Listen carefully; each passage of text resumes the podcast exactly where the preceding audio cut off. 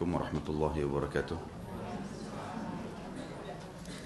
Alhamdulillah kita terus memuji Tuhan kita Allah Subhanahu wa taala atas segala nikmatnya karena memang dia menggantungkan segala nikmat yang dia akan tambahkan dengan kalimat alhamdulillah. Lalu kita panjatkan salam hormat kita kepada Nabi besar Muhammad sallallahu alaihi wasallam sebagaimana Allah dan malaikatnya memberikan salam kepada beliau. Pertama-tama tentu saya minta maaf karena terlambat. Masalahnya memang sangat macet di setiap sisi saya sudah coba cari celah tapi dari tempat saya ke sini sangat macet. Tapi insya Allah menunggu di majelis ini menjadi catat pahala oleh Allah Subhanahu Wa Taala.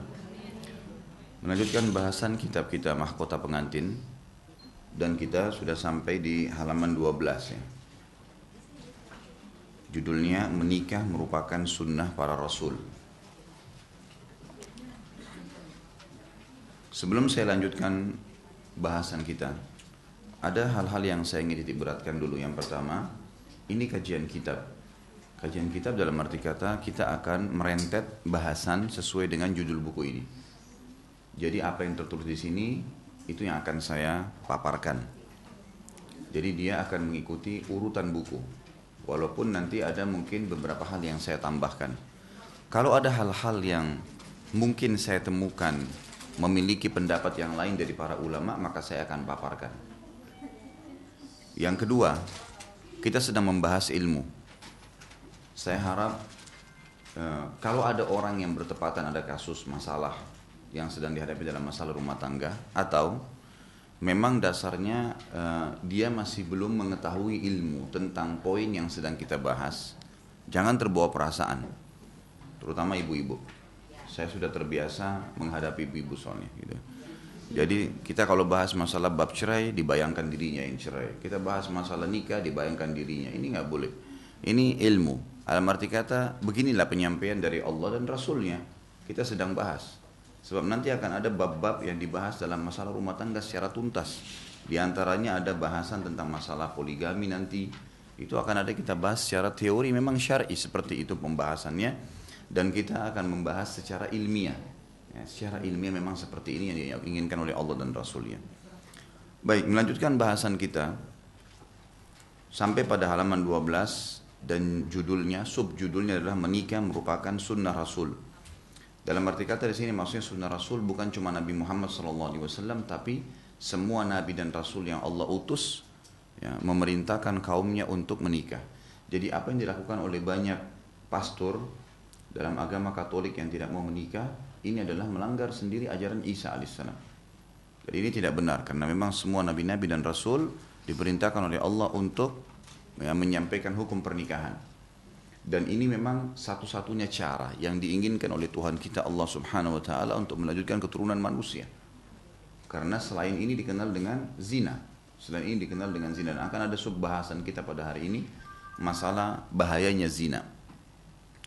Saya akan bacakan, menikah merupakan sunnah para rasul, bukan cuma Nabi Muhammad SAW, tapi semua rasul. Dan Allah mengutus 124 ribu nabi, di antaranya 313 rasul. Bedanya nabi sama rasul adalah nabi orang-orang yang diutus oleh Allah mengingatkan kaumnya apa yang disampaikan oleh nabi dan rasul sebelumnya. Saya ulangi, nabi adalah seseorang yang Allah utus hanya mengingatkan kaumnya apa yang disampaikan oleh Nabi dan Rasul sebelumnya, tidak membawa ajaran baru. Tapi kalau Rasul adalah seseorang yang Allah utus membawa ajaran baru, syariat baru, menghapus ajaran sebelumnya. Gitu kan. Allah mengutus 124 ribu Nabi, di antaranya 313 Rasul. 313 Rasul.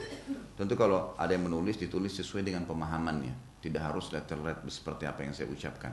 Supaya bisa uh, menjangkau tulisannya ya jadi Nabi seseorang yang Allah utus hanya mengingatkan kaumnya apa yang disampaikan oleh Nabi atau Rasul sebelumnya. Dia tidak membawa ajaran baru. Cukup ingatkan saja yang telah disampaikan sebelumnya. Kalau Rasul seseorang yang Allah utus membawa syariat baru menghapus syariat sebelumnya. Allah mengutus 124 ribu Nabi di antaranya 313 Rasul. Menikah merupakan sunnah para Rasul. Jadi kalau Rasul di sini disebutkan, setiap Rasul datang pasti dihapus ajaran sebelumnya. Dalam arti kata, kalau hanya ajaran para nabi, berarti hanya melanjutkan apa yang disampaikan sebelumnya. Tapi ini Rasul, berarti setiap datang syariat baru pun, Selalu dihapus, selalu datang. Syarat-syarat yang sebelum dihapus kecuali masalah pernikahan. Terus pernikahan ini selalu ada, gitu kan? Tidak pernah terputus dari ajaran para rasul. Sebagaimana diberitakan Allah Subhanahu wa taala dalam kitab sucinya dalam surah Ar-Ra'd ayat 38. Ar-Ra'd ayat 38. A'udzu billahi minasyaitonir rajim wa laqad arsalna rusulan min qablika wa ja'alna lahum azwajan wa dzurriyyah. Yang al-ayat artinya dan sungguhnya kami telah mengutus beberapa rasul ya, Sebenarnya di sini tidak dikatakan beberapa rasul ya. Makna terjemahan tidak boleh pakai beberapa di sini karena Allah mengatakan wal qad arsalna rusula langsung. Tidak ada kata-kata ba'at. Ba'at ini artinya sebagian. Tapi di sini Allah menggunakan langsung wal qad arsalna rusulan. Kami telah mengutus seluruh rasul. Jadi kalau yang pegang bukunya terjemahan mengutus beberapa rasul, beberapa ini dicoret. Ini Sebelum kamu hai Muhammad dan kami memberikan pada mereka istri-istri dan keturunan. Mereka menikah. Itu bagian daripada perintah Allah subhanahu wa ta'ala. Kemudian Nabi Muhammad SAW menyebutkan di dalam hadis yang sahih riwayat Imam Ahmad, Arba'un min sunanil mursalin at-ta'atturu wan nikahu was siwaku wal haya. Ada empat perkara yang termasuk rutin sunnah para rasul tidak pernah ada perselisihan di situ. Semua rasul pasti menyampaikan ini dan menerapkannya. Yang pertama adalah memakai wangi-wangian. Semua rasul memerintahkan dirinya dan juga memerintahkan kaumnya untuk memakai wangi-wangian dan ini sunnah yang diperintahkan oleh Allah Subhanahu wa taala. Laki-laki dianjurkan menggunakan minyak wangi yang keras tapi warnanya pudar. Perempuan dibolehkan pakai minyak wangi yang berwarna tapi warnanya tapi baunya tidak keras. Gitu kan? Jadi bolehkah seorang muslimah pakai hand body ada wanginya? Boleh, tapi kan tidak menyolok.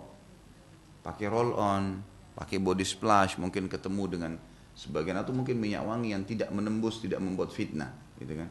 Jadi makna hadis Abu Hurairah anhu yang menyebutkan dia menyuruh seorang wanita pulang karena tercium baunya oleh Abu Hurairah dan itu dikhawatirkan fitnah terjadi, beliau mengatakan pulanglah dan mandilah seperti kau mandi junub. Dan makna hadis wanita mana pun yang keluar menggunakan minyak wangi yang sampai mengganggu lawan jenisnya, maka dia pezina. Berarti di sini harus difahamin. Sementara ada hadis yang lain berbunyi sebaik-baik minyak wangi bagi laki-laki yang e, keras baunya ya, dan e, pudar warnanya. Dan sebaik-baik minyak wangi bagi perempuan adalah yang berwarna tapi tidak keras baunya. Jadi keliru kalau ada muslim yang memahami tidak boleh pakai wangi sama sekali. Ini nggak benar gitu kan. Di akhirnya maaf sampai bau badannya keluar. Ini semua tidak dibolehkan. Jadi tetap harus menggunakan hal-hal yang dibolehkan secara syar'i. Apalagi kalau berkumpul sesama kaum wanita. Mereka boleh menggunakan. Sekarang kan banyak minyak wangi yang cuma roll kecil gitu kan. Yang mungkin tidak terlalu menyolok. Allahu alam. Itu yang saya tahu. Jadi itu termasuk perintah para rasul Kemudian menikah. Ini bagian daripada sunnah para rasul. Jadi memotivasi masyarakatnya menjadikan hukum dari Allah untuk menikah. Yang ketiga bersiwak. Menjaga bau mulut. Jadi ini siwak bukan cuma Nabi SAW tapi semua rasul. Semua nabi-nabi menjadikan sebagai hukum. Kemudian rasa malu. Malu untuk meminta. Ya. Dan ini ada hadis Nabi SAW yang berbunyi, malu itu baik dalam segala keadaannya. Sebagian ulama mengatakan, malu dibolehkan atau bahkan sangat dianjurkan kecuali di dua keadaan. Yang pertama, menuntut ilmu. Yang kedua, mempertahankan kebenaran. Ini nggak boleh malu. Selain ini orang muslim harus malu, merasa malu. Ya, sebagaimana sabda Nabi SAW, malu itu semuanya baik, ya semuanya akan membawa kebaikan. Nabi SAW memberi kabar gembira kepada orang yang mencari kesucian diri dengan mendapatkan pertolongan dari Allah Subhanahu wa taala. Menikah disuruh lakukan. Dan ada jaminan dari Nabi Muhammad SAW kalau orang menikah akan mendapatkan rezeki. Akan mendapatkan rezeki. Ini sekaligus nanti membantah dalilnya kalau ada orang yang menganggap menikah itu harus mapan dulu dari sisi ekonomi. Ini pemahaman yang salah. Secara agama nggak benar nggak benar. Tidak pernah ada hadis Nabi satupun setelah kalian mapan secara ekonomi baru menikah, tidak pernah. Tapi malah terjadi banyak sahabat yang menikah sementara mereka tidak punya apa-apa sama sekali. Kata kuncinya adalah hadis Nabi SAW wa ankihul akfa aminkum. Ini sudah sebenarnya saya jelaskan di pertemuan pertama. E, menikahlah dengan orang yang sepadan dengan kalian. Sepadan. Kalau seorang laki-laki gajinya cuma sejuta setengah, dua juta, memang dia cari wanita yang bisa hidup dengan uang itu. Yang dia boleh dia nikah dengan wanita yang kosmetikanya saja dua juta, ya akhirnya nombok utang 500 ribu belum makan belum segalanya ini nggak boleh Ya memang dia nikah dengan wanita yang akfa, yang sepadan. Ada wanita Masya Allah yang beli bedak cuma 30 ribu. Gitu kan. Mungkin dia beli makanan cuma 40 ribu, makan sama suaminya cukup. Sudah terbiasa hidup sederhana. Nah itu dia jadikan sebagai pasangan hidupnya. Gitu kan. Menikah dengan orang yang sepadan. Ini ada tuntunan Nabi SAW. Jadi orang yang menikah dalam Islam tidak harus mapan secara ekonomi. Tetapi kapan dia merasa dia sudah terdesak, harus dia menikah. Nggak boleh. Dan yang paling ditekankan menikah laki-laki. Harus dia menikah. Tidak bisa enggak. Karena ada nanti disebutkan oleh penulis buku di sini tentang masalah bahayanya kalau laki-laki tidak menyalurkan spermanya. Itu akan menjadi masalah buat dia. Di, umur-umur tertentu itu sudah tidak bisa kalau dia tidak menyalurkannya. Bisa menjadi penyakit buat dia. Tidak bisa menjadi penyakit buat dia. Karena itu akan ada penelitian para dokter medis seperti apa sih komposisinya sperma itu Ya, ternyata dia terkandung di dalamnya banyak sekali udara dan api. Makanya dia sangat panas. Mungkin bagi kita aneh, tapi itu penelitian. Secara ilmiah memang seperti itu. Jadi dia akan mengganggu kejiwaan seorang laki-laki kalau tidak ter, tidak dikeluarkan. Dan Allah menuntun untuk mengeluarkan dengan cara yang benar. Karena Allah larang dengan zina. Allah larang dengan onani, tapi Allah bolehkan dengan pernikahan. Nanti akan kita jelaskan lebih lanjut. Nabi SAW pertama sekarang, eh, eh, maaf, dalil yang ketiga tadi yang disebutkan setelah perintah para rasul, eh, kemudian sunnah rasul dan Nabi SAW menjamin orang yang menikah dapat rezeki, akan dibukakan rezekinya. Kata Nabi SAW ya, melalui sabda beliau diriwayatkan oleh Ibnu Abi Asim dalam Kitabul Jihad juga Imam Tirmidzi dan Imam Nasai. Kata Nabi SAW, "Thalathatun haqqun 'ala Allahi 'aunuhunna." Al-mujahidu fi sabilillah wal mukatabu alladhi yuridul adaa wan nakihu alladhi yuridul afaf. Ada tiga golongan yang berhak mendapatkan pertolongan dari Allah, pasti diberikan rezeki. Sebenarnya makna pertolongan di sini masuk dalam artinya pada kata para ulama hadis adalah rezeki, peluang hidup, kesembuhan dari penyakit, ya, kesedihan yang akan hilang, Tiga orang yang pasti Allah kasih itu. Yang pertama adalah orang yang berjihad di jalan Allah. Begitu dia pergi berjihad, pasti Allah jamin. Ya, pasti Allah jamin. Subhanallah ada saudara-saudara kita di Palestina, terutama di jalur Gaza yang memang sampai sekarang masih belum bisa ditembus oleh orang-orang Israel. Dan insya Allah akan selamanya. Di sana itu ada orang yang hafal Quran, kerjanya tiap hari hanya ribat. Anak-anak muda, Ya, terkenal sekali mereka sniper-sniper yang sangat mahir dan sangat ditakuti oleh orang Yahudi. Mereka setiap pagi ke sekolah, mereka sekolah sampai siang, siangnya mereka ribat, duduk di puing-puing bangunan yang runtuh, mereka duduk hanya modalnya Al-Quran di tangannya dengan air mineral segelas. Begitu terus. Mereka pun menikah, menikah dengan orang-orang yang sepadan di situ, wanita-wanita yang ada di situ sehingga mereka tahu anaknya pun dilatih untuk jadi seperti itu. Gitu kan. Jadi subhanallah ada orang-orang mujahid Allah dikasih rezeki. Ternyata mereka ada yang jadi dokter, ada yang jadi insinyur, gitu kan. Mereka makan, mereka hidup. Allah SWT berikan rezeki. Mujahid di jalan Allah diberikan, dijamin. Gitu kan. Tidak ada orang yang pergi jihad itu kemudian miskin. Yang kedua, budak yang ingin memerdekakan dirinya. Jadi dalam Islam ada namanya hamba sahaya, budak. Bisa budak laki-laki atau budak perempuan. Ini didapatkan dari dua sumber. Yang pertama peperangan.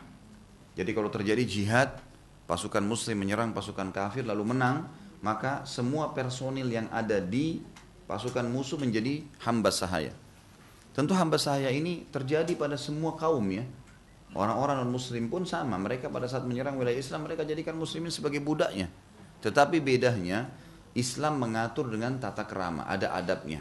Seperti misal Kata Nabi SAW, berikanlah makan dan pakaian kepada budak kalian seperti yang kalian pakai dan kalian pakai. Perintah untuk menyamakan antara keadaan kita dengan keadaan mereka.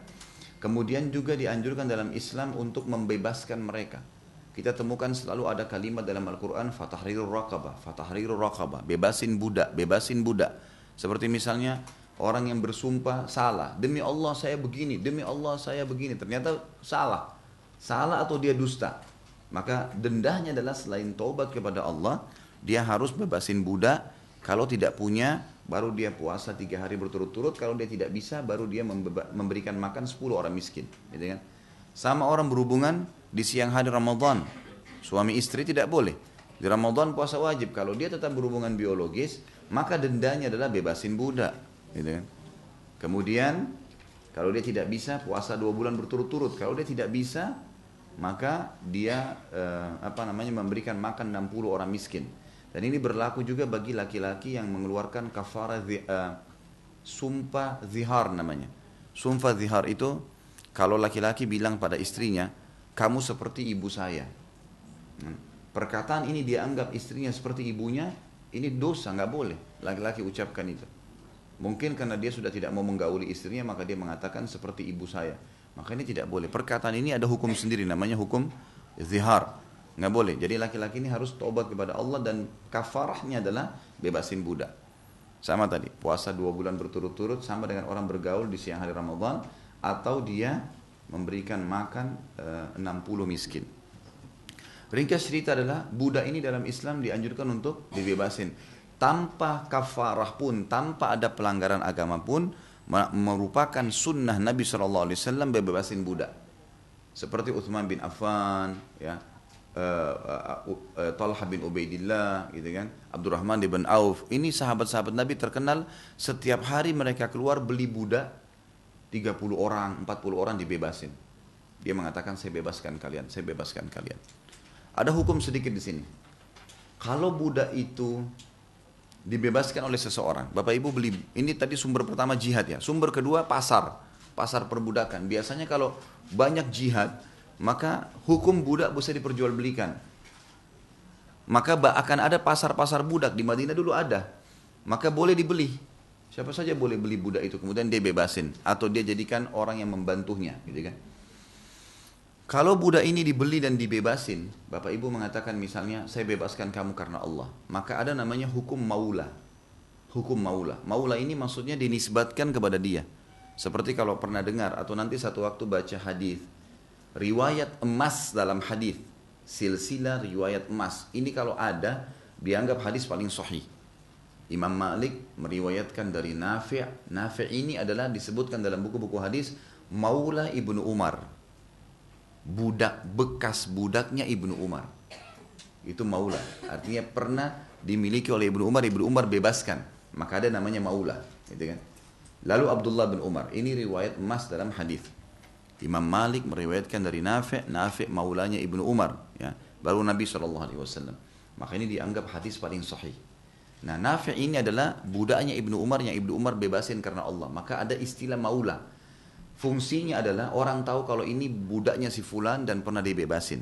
Dan kalau budak itu menjadi kaya pada saat dia meninggal tuannya yang membebaskan punya hak waris. Menjadi salah satu dari ahli waris. Hukumnya seperti itu. Ya, hukumnya seperti itu. Jadi budak itu bisa dijadikan, bisa dididik, dijadikan sebagai pekerja, bisa dijadikan sebagai uh, ba, uh, penyebab pelepas denda kafara tadi, ya. Dan bisa juga dibebasin tanpa sebab. Juga yang terakhir adalah bisa hukum mukataba namanya. Ini yang jadi saksi bahasan kita dalam hadis. Atau seorang budak yang mau mukataba. Apa itu mukataba? Seorang budak datang kepada tuannya lalu dia berkata, Tuan saya mau bebas. Apa syaratnya? Kata tuannya misalnya, saya mau kamu bayar sejuta rupiah. Sejuta rupiah. Kata budaknya baiklah. Bisa nggak saya cicil per bulannya seratus ribu? Kata tuannya boleh, silahkan, kau bebasin. Maka sepakatlah antara tuan sama budak tadi, dibayar seratus ribu per bulan, selama sepuluh bulan dia akan bebas, namanya mukatabah. Nah ini yang dimaksudkan tadi dalam hadis golongan kedua yang pasti Allah kasih rezeki adalah budak yang mau ya memerdekakan dirinya. Tapi dari cara mukatabah. Di sini di bahasa Indonesia ini tidak disebut itu ya. Tapi di dalam bahasa Arab disebutkan wal mukataba alladhi yuridu al ada. Oh, mukataba ini budak yang sepakat dengan tuannya untuk dibebasin dari keterbudakan dengan cara menyicil atau memenuhi syarat yang diberikan oleh tuannya. Yang ketiga adalah dan ini saksi bahasan kita yuridul afaf. Dan orang ketiga yang pasti Allah kasih pertolongan dan rezeki adalah orang yang menikah yang ingin memelihara kesucian dirinya. Pasti dikasih rezeki. Asal menikah insya Allah Allah kasih rezeki. Asal dia niat sunnah Nabi pasti Allah bukain rezekinya. Berapa banyak orang yang tadinya miskin lalu kemudian buka usaha kecil memulai dengan kecil-kecil yang Allah SWT bukakan. Saksi bahasan kita adalah golongan yang ketiga setelah mujahid, mukatib dan akhirnya nakih atau orang yang menikah ini. Abdullah bin Mas'ud radhiyallahu anhu berkata di dalam riwayat diriwayatkan oleh At-Tabarani iltamisul ghina fin nikah يقول الله تعالى إن يكونوا فقراء يغنيهم الله من فضله والله واسع عليم kata kata Abdullah bin Mas'ud carilah kekayaan itu di pernikahan jadi di sini terjemahannya carilah kecukupan dalam pernikahan sebenarnya lebih tepat terjemahannya adalah carilah kekayaan karena iltamisul gina gina itu kekayaan nah, carilah kekayaan dengan menikah Makanya kalau Bapak Ibu pernah dengar ceramah saya yang e, saudaraku ini adalah rahasia rezekimu, salah satu kiat menambah rezeki adalah pernikahan. Jadi keliru kalau ada orang menunggu sampai sarjana, sampai kerja, sampai punya rumah dulu sendiri baru nikah ini nggak nggak sesuai dengan syariat. Justru kalau dia menikah akan terbuka rezekinya. Ini janji dari Allah dan Rasulnya, nggak mungkin salah. Gitu kan? Ini wahyu. Carilah kekayaan dalam pernikahan karena Allah berfirman khusus bagi orang yang mau menikah kalau mereka fakir, maka Allah akan mencukupi mereka dari karunia-Nya dan Allah Maha luas lagi Maha mengetahui. Asal niatnya karena Allah Subhanahu wa taala. Petunjuk Nabi SAW mengenai pernikahan adalah petunjuk yang paling sempurna yang dengannya kesehatan akan terpelihara. Karena nanti akan ada saling bantu membantu, saling menjaga. Kalau suami sakit istrinya yang urus, kalau istrinya sakit suaminya yang urus ya kan gitu. Kemudian makanan, kualitas makanan akan terjaga, gitu kan? Kesehatan akan terjaga, kenikmatan dan kesenangan jiwa menjadi sempurna. Ada teman ngobrol, ada teman curhat, gitu kan? Serta tujuan dari pernikahan tercapai karena hubungan seksual pada dasarnya ditetapkan untuk tiga perkara yang merupakan adalah tujuan aslinya. Jadi di antaranya adalah hubungan biologis dan itu puncak daripada pernikahan. Saya sudah bahasakan Bapak Ibu sekalian di pertemuan dasar kita dulu atau perdana kita awal. Kata Nabi SAW, Man tazawwaja faqad dhamina nisfa dinahu. Fi nisfil baqi. Siapa yang telah menikah, dia telah menyelamatkan setengah agamanya. Maka dia tinggal menjaga setengah yang tersisa. Manusia diciptakan cuma dua, laki-laki dan perempuan. Godaan terberat bagi laki-laki perempuan, godaan terberat bagi perempuan laki-laki. Kalau mereka sudah menikah, ada tempat pelampiasan biologisnya, teman ngobrolnya, itu kan tempat untuk menyampaikan masalah diskusi maka sudah aman gitu kan. seperti itulah gambarannya beliau mengatakan tujuan utama tiga perkara yang memang karena hubungan karena itulah hubungan seksual ya ditetapkan memelihara keturunan dan keberlangsungan spesies manusia atau spesies manusia hingga sempurna jumlah yang telah ditetapkan oleh Allah SWT kemunculannya di alam ini. Jadi dengan pernikahan maka populasi manusia terus terjadi sampai batas jumlah yang telah Allah tentukan. Allahu alam berapa banyak. Tapi itulah cara terbaik untuk ya, ya dijalankan atau mendapatkan keturunan manusia. Yang kedua, mengeluarkan air sperma yang bila ditahan akan membahayakan tubuh secara umum. Nanti kan ada rincian disebutkan oleh beliau. Makanya tadi saya bilang laki-laki yang sangat ditekankan untuk melakukan pernikahan memang karena fitrah begitu Allah bebankan pada kejiwaan mereka. Yang ketiga, melepaskan keinginan meraih kelezatan, kenikmatan maksudnya dan bersenang-senang dengan kenikmatan. Ini saja manfaat yang diperoleh di surga. Ini saja manfaat yang diperoleh di surga. Sebab di sana tidak ada kelahiran dan tidak ada pula tidak ada pula menahan sehingga perlu dikeluarkan. Dalam arti kata di sini ini kenikmatan surga, tapi di dunia kenikmatan biologis akan dirasakan juga cuman masih ada proses. Ya, masih ada proses. Seperti misalnya ada resiko hamil kan itu. Kalau memang orang itu berbuat salah tapi kalau dalam agama berarti dengan akan hamil dan punya anak. Itu tidak terjadi di surga. Prosesnya berbeda nanti. Ada bahasan sendiri masalah surga. Para dokter terkemuka kata beliau berpendapat bahwa hubungan seksual adalah salah satu faktor untuk memelihara kesehatan. Ganius mengatakan salah satu dokter, pada umumnya yang terdapat pada sperma kandungannya adalah api dan udara serta campurannya adalah panas dan lembab karena ia merupakan darah murni yang dihasilkan oleh anggota tubuh yang asli. Jika keutamaan sperma sudah terbukti, maka ketahuilah bahwa tidak seyogyanya mengeluarkannya kecuali untuk mendapatkan keturunan atau mengeluarkan apa yang tertahan darinya. Jadi sebenarnya memang Allah siapkan khusus untuk keturunan manusia atau sperma. Bahkan sekarang dokter-dokter mengadakan penelitian dan sangat luar biasa mengagetkan mereka. Ternyata tetes sperma itu di dalamnya sudah terkandung sifat-sifat karakter bahkan sampai warna rambut, warna mata, warna kulit bayi itu di satu tetes sperma. Allah SWT karuniakan seperti itu dengan kemahakuasaannya, gitu kan. Kalau sel telur perempuan menampung penampungannya nanti jadi kantongnya, tempatnya. Tapi yang bayi sebenarnya adalah sperma itu. Gitu. Karena di situlah dia, gitu ya. Di sini dikatakan karena jadi harus betul-betul pada saat dikeluarkan untuk keperluan keturunan manusia. Tidak boleh sembarangan.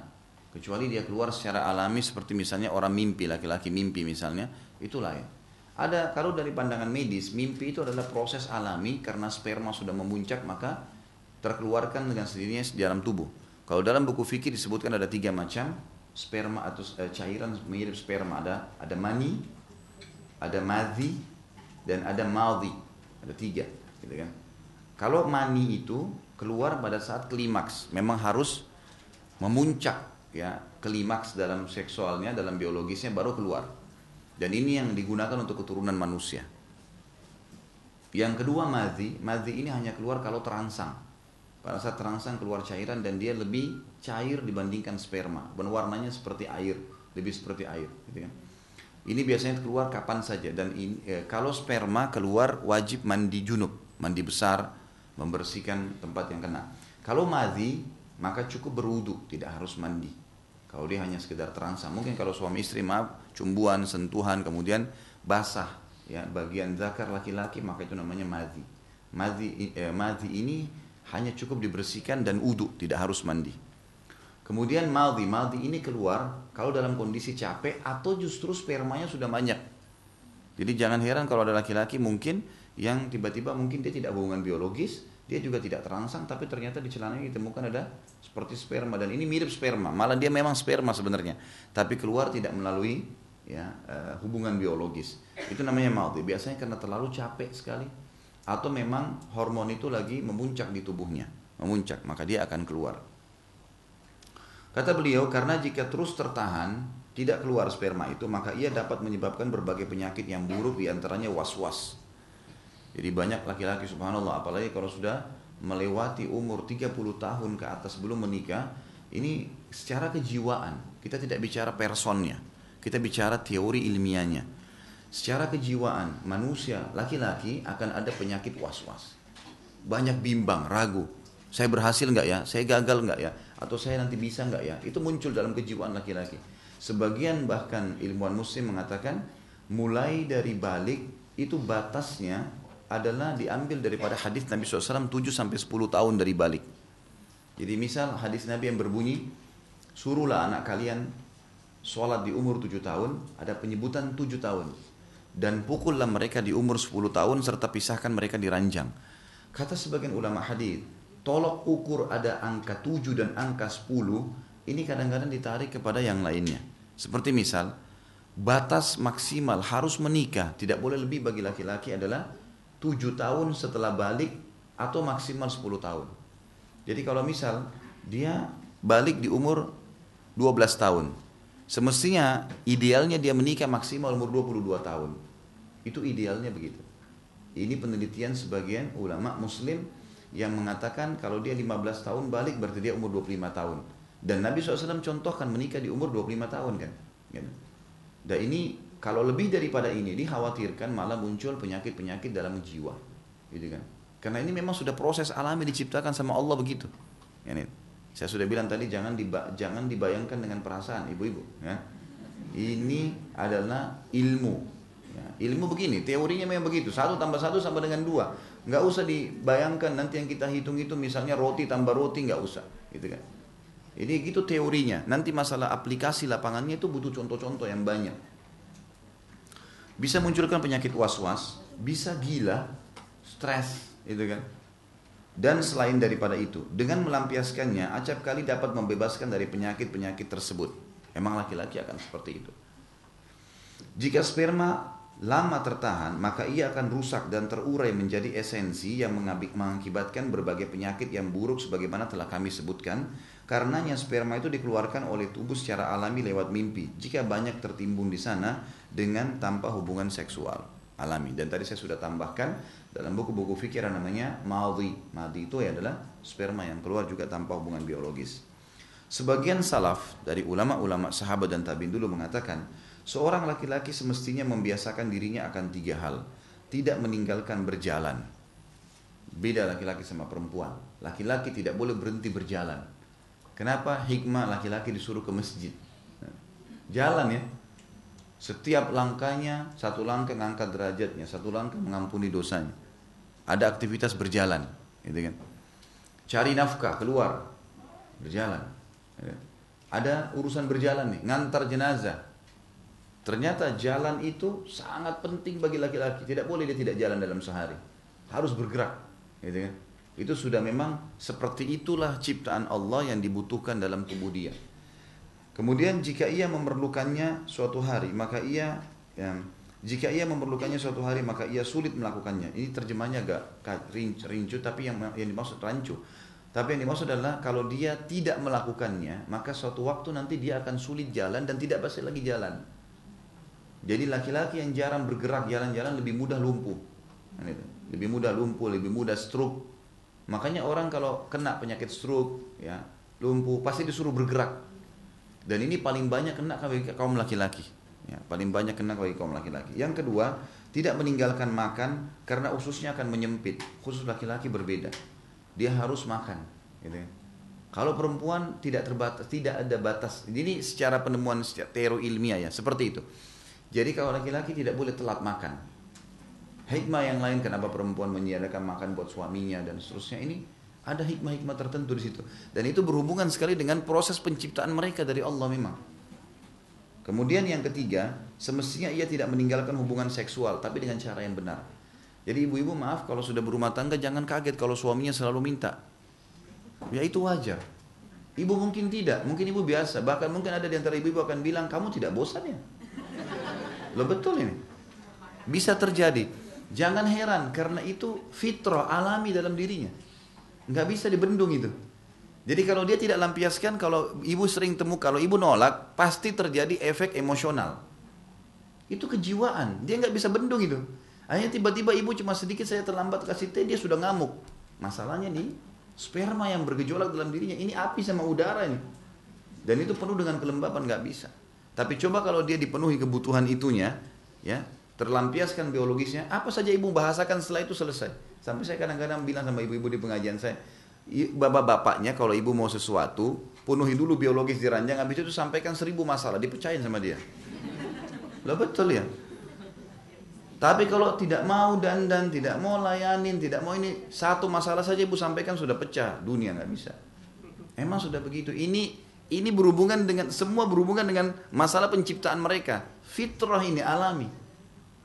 Kenapa ada hadis Nabi SAW yang berbunyi wanita walaupun lagi dicorong asap rumahnya kalau dipanggil sama suaminya biologis harus datang. Coba secara zahir hadis ini kesannya kok perempuan digituin ya. Kesannya ya, tanda kutip tapi Allah pencipta lebih tahu. Ternyata itu sangat berpengaruh pada kejiwaan suaminya kalau di luar rumah. Sangat berpengaruh. Semua laki-laki yang sudah berumah tangga pasti tahu. Pada saat terlampiaskan biologisnya di luar rumah dia akan sangat tenang. Mudah untuk berpikir, tidak mudah emosi. Memang begitu pengaruh kejiwaannya, gitu kan? Jadi sangat wajar, sangat wajar. Gitu. Sementara perempuan memang juga secara medis terbukti tidak terlalu seperti laki-laki. Artinya memang kalau dia dirangsang maka akan terpengaruh. Kalau enggak, tidak bisa. Laki-laki itu mungkin dari pandangan sudah cukup membuat dia terangsang. Dari ucapan kata sudah cukup membuat dia terangsang karena masalahnya ada cairan sperma itu yang memang membuat tubuhnya itu bisa merasakan panas, tubuhnya merasa bergejolak, memang ada seperti itu. Maka dianjurkan untuk tidak meninggalkan ini. Sampai Abdullah bin Umar radhiyallahu anhu Abdullah bin Umar itu kalau beliau selesai buka puasa, buka puasa dengan air putih dan kurma, pulang sholat habis itu ke masjid sholat maghrib, habis pulang langsung berhubungan biologis sama istrinya. Beliau menjadikan itu sebagai bagian daripada ibadah dan kebutuhannya. Jadi itu bukan aib, bukan aib. Kalau kita baca di buku-buku medis selalu dibahasakan bahwasanya biologis itu normalnya seminggu sekali. Saya pernah baca salah satu buku medis begitu dan ini hukum syariat berbeda. Nggak ada seminggu sekali. Kapan dibutuhin? Karena kalau sperma sudah harus keluar, dia akan bergejolak di tubuh laki-laki. Nggak bisa. Akan mengacaukan semuanya, gitu kan? Bahkan kalau sampai pada puncaknya dia berani melakukan perbuatan-perbuatan yang berbahaya hanya karena masalah sperma tertampung. Ini bahaya sekali. Kasus banyak laki-laki memukul istrinya. Kasus banyak laki-laki berkata-kata kasar. Kalau ditelusurin permasalahannya cuma satu. Biologisnya bermasalah dengan istrinya. Karena masalah itu. Jadi? Kembali ke masalah ini. Lalu dikatakan, kata beliau, secara rasional, karena jika sumur tidak ditimba, maka hilanglah airnya. Justru sebaliknya, kalau laki-laki terus kemudian dia tidak lampiaskan, ya kan gitu, emosional terus berjalan, maka ada puncaknya nanti. Puncaknya tubuhnya akan melemah. Sampai pada tingkat melemah. Tiba-tiba banyak hal-hal yang kena ya. Masalah penyakit gula, masalah penyakit tulang, masalah macam-macam. Larinya ke situ. Spermanya nanti akan mengering, dan akhirnya jadi masalah buat dia, merusak organ tubuh yang lainnya. Muhammad bin Zakaria rahimahullah mengatakan, barang siapa yang meninggalkan hubungan seksual dalam waktu yang lama, maka kekuatan syarafnya akan melemah. Cara berpikirnya, gitu kan? Itu semua akan melemah. Dan ini terjadi walaupun laki-laki itu sudah tua. Kita temukan ada laki-laki yang seksualnya terjaga, biar umur 80 tahun tetap sehat. Ya? Umumnya begitu. Dan kalau yang sudah jarang, sudah sampai ber, ada yang sampai bertahun-tahun bahkan tidak menyentuh lagi istrinya, maka dipastikan ini bermasalah buat dia. Baik itu mungkin mengganggu pola cara berpikirnya, urat-urat sarafnya melemah, banyak penyakit yang kena dan segalanya. Alirannya tersumbat gitu kan dan kemaluannya tidak berfungsi lagi, lama-lama tidak akan berfungsi. Ia mengatakan aku melihat segolongan orang yang meninggalkan hubungan seks karena sejenis kezuhudan atau sering disebutkan oleh orang-orang sufi takasyuf. Takasyuf ini tidak usah berhubungan biologis sama istri, tidak usah nikah untuk zuhud. Ini salah ini. Ya, ini salah. Seperti yang dilakukan oleh pastor di Katolik. Gak usah kenal perempuan. Akhirnya apa yang terjadi? Umumnya mereka masih umur 4, 50, 45, 50 yang tidak pernah sama sekali menikah ini justru stres, gila, penyakit, masalah masalah semuanya. Atau kelihatan sangat tua wajahnya gitu Subhanallah ada ada kasus lapangan teman ayah saya. E, beliau cerai sama istrinya. Beberapa tahun tidak menikah gitu kan. Masih hidup masya Allah sampai sekarang. Dia cerita dia bilang semenjak dia mungkin 4-5 tahun cerai nggak nikah dia bilang saya bawa obat dia bilang sama saya saya bawa obat ini obatnya banyak satu kresek gitu macam-macam antibiotik lah, vitamin lah, inilah, obat untuk saraf ini, macam-macam, penuh. Mungkin ada 10 obat. Dia bilang saya minum terus.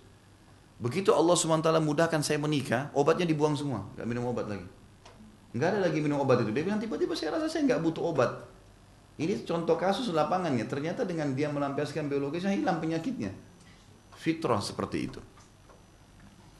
Dikatakan oleh beliau, banyak orang yang contohnya meninggalkan seks karena masalah kezuhudan, takasyuf kalau dalam ilmu tasawuf dikatakan, maka badan mereka menjadi dingin, gerakan mereka menjadi sulit, ya. Mengalami keputusasaan dengan tanpa sebab, syahwat dan kekuatan mereka jadi melemah. Di antara manfaat hubungan seksual adalah menundukkan pandangan. Orang kalau sudah pelampiaskan biologisnya, maka dia otomatis ya, otomatis akan bisa menurunkan pandangannya di luar. Ini mungkin tentu bapak-bapak yang sudah menikah tahu tentang masalah. Kalau dia melampiaskan biologis yang positif dan istrinya bisa melayaninya, maka di luar dia bisa budul basar namanya. Turunkan pandangan dari yang haram. Bahkan subhanallah sampai pada tingkat seperti apa pun fitnah perempuan di depan mata dia tidak terpengaruh. Tidak terpengaruh. Tapi kalau tidak terlampiaskan biar nenek-nenek jadi cantik. Gitu kan? Loh iya. Itu berbahaya. Itu ini sudah fakta lapangan, gitu kan? Jangan dibayangkan. Jadi nggak usah bilang gawat. Ini kata-kata gawat ini dibayangkan. Menahan diri Di sini dikatakan di antara manfaat hubungan seks, manfaatnya adalah ia menundukkan pandangan, menahan diri dan mampu memelihara diri dari keharaman. Hal itu juga diraih oleh wanita. Tapi wanita beda dengan laki-laki, beda dengan pria. Memang ibu-ibu kapan derangsang? Apa hikmahnya? Kenapa dalam syariat perempuan disuruh dandan? Suruh wangi-wangi. Bahkan ada hadis nanti kita pelajari wanita ahli surga, wanita yang bisa membangkitkan syahwat suaminya. Disuruh godain suami. Karena Perempuan tanpa dirangsang nggak mau berhubungan biologis.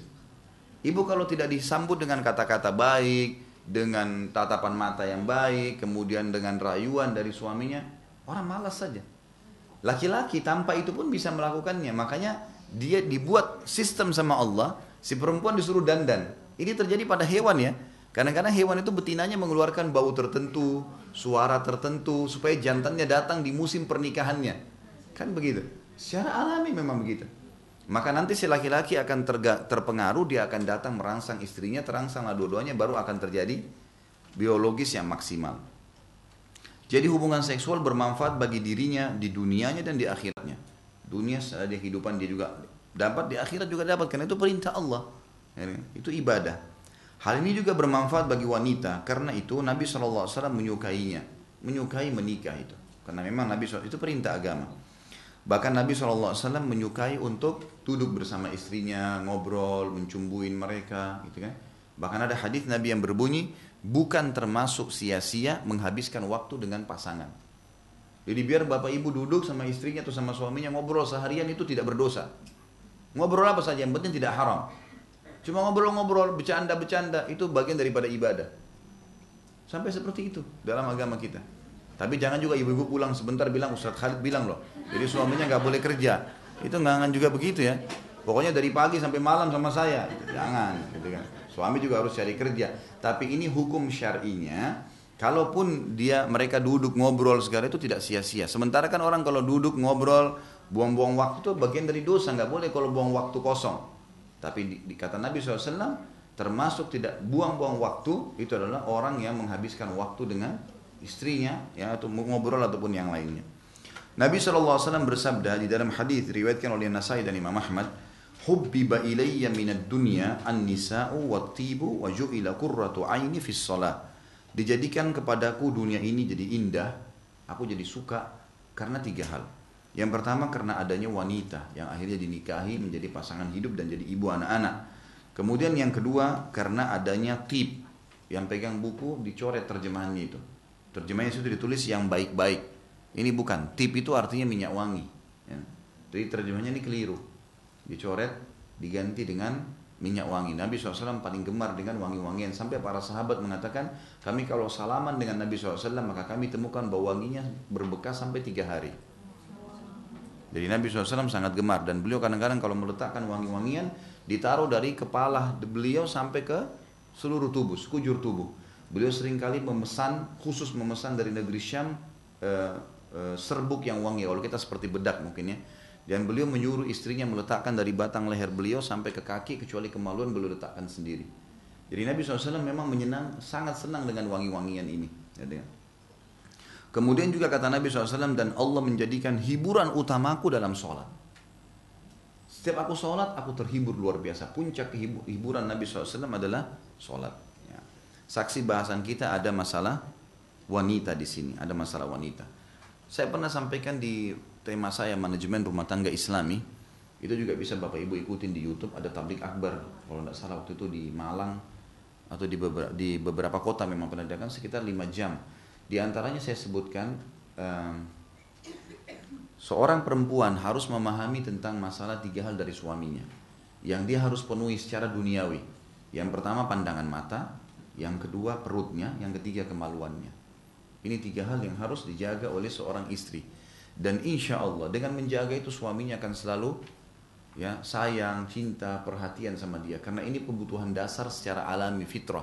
Banyak laki-laki pun tidak tahu itu. Laki-laki sendiri banyak yang tidak tahu kalau ini kebutuhan dasar mereka.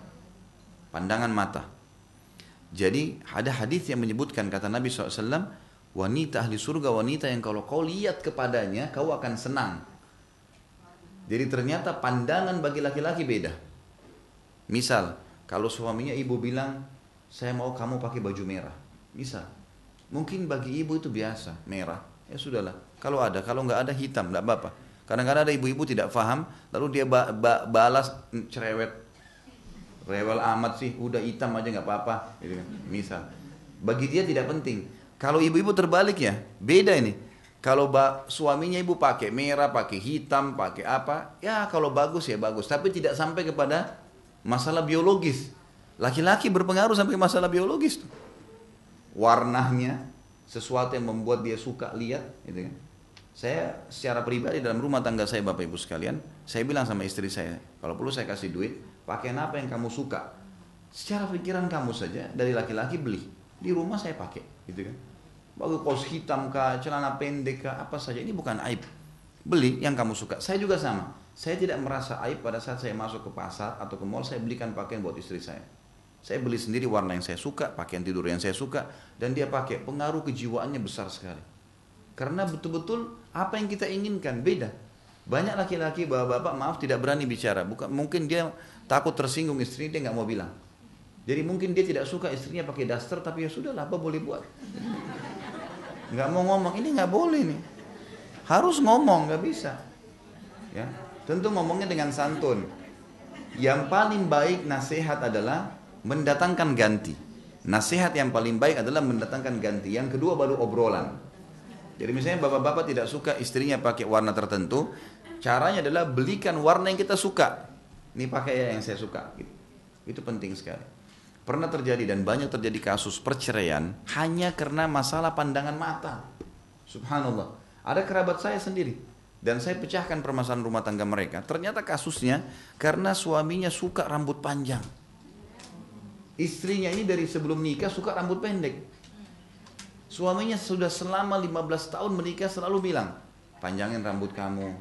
Iya, iya, iya. Udah dianggap biasa. Enggak dijalankan. Puncaknya 15 tahun. Setelah 15 tahun suaminya nggak mau sentuh lagi sama sekali. Istrinya minta maaf, dia tidak mau maafin. Setelah saya telusurin, saya bicara empat mata, masalahnya karena rambut. Loh iya, yang selama ini istrinya anggap remeh. Jadi pandangan mata bagi laki-laki berbahaya sekali. Pengaruh sekali. Kapan ibu tidak mau ikutin, jangan salahin kalau dia selingkuh, kalau dia tidak punya iman di luar. Berbahaya. Karena dia lihat fitnah yang dia inginkan. Apa yang ma perempuan pelacur lakukan? Pada saat ada laki-laki tidak beriman kepada Allah, dia lagi masalah sama suami istrinya, dia pergi ke bar misalnya. Perempuan yang tidak benar ini datang.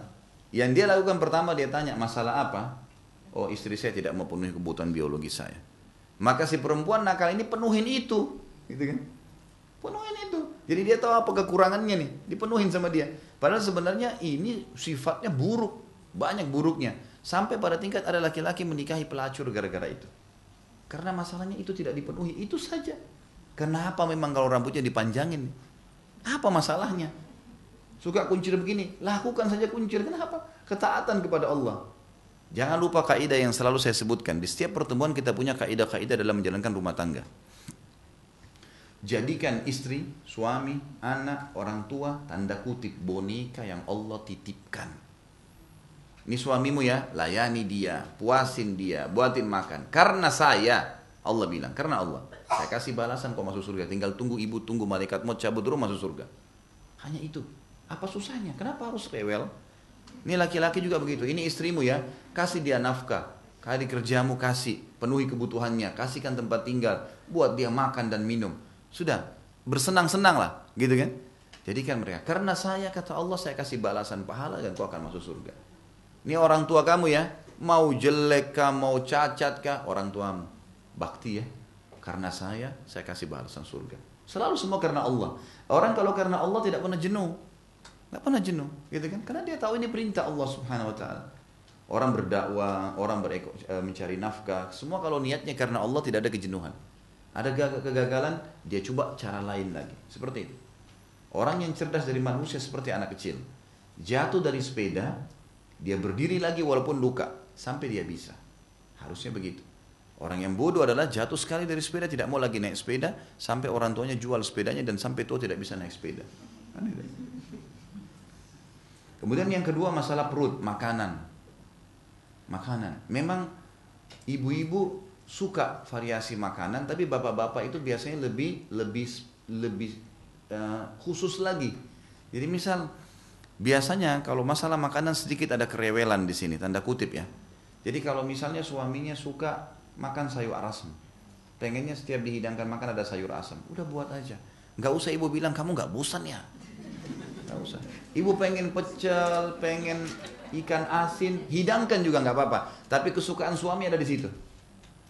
Kalau dibuat apa yang dia suka, pasti. Jadi ciri-cirinya adalah begitu diambil makanan itu yang paling pertama disentuh sama dia. Habis terus tuh. Mau 10 tahun, mau sampai mati nggak apa-apa. Nggak usah diganti menunya, tambah boleh. Nah, iya. Di Makassar, karena saya dari Makassar, ada kebiasaan orang Makassar, Bugis Makassar tuh kalau buat sayur dari kacang hijau. Jadi kacang itu bukan cuma dibuat kolak, tapi di Makassar tuh bisa dibuat sayur. Jadi dibawa kayak dibuat kayak kayak kayak sayur, jadi memang dicampur dengan potongan-potongan daging, kentang, tapi kacang hijau gitu kan. Ada satu orang suaminya suka sekali dengan kacang hijau ini. Setiap kali suaminya bilang kacang hijau saya mana, kamu nggak bosan ya? Terus begitu. Dihidangkan kacang hijau lagi, nih makan nih kacang hijau, selalu diolok-olok suaminya. Sampai akhirnya terjadi perceraian gara-gara kacang hijau. Betul itu.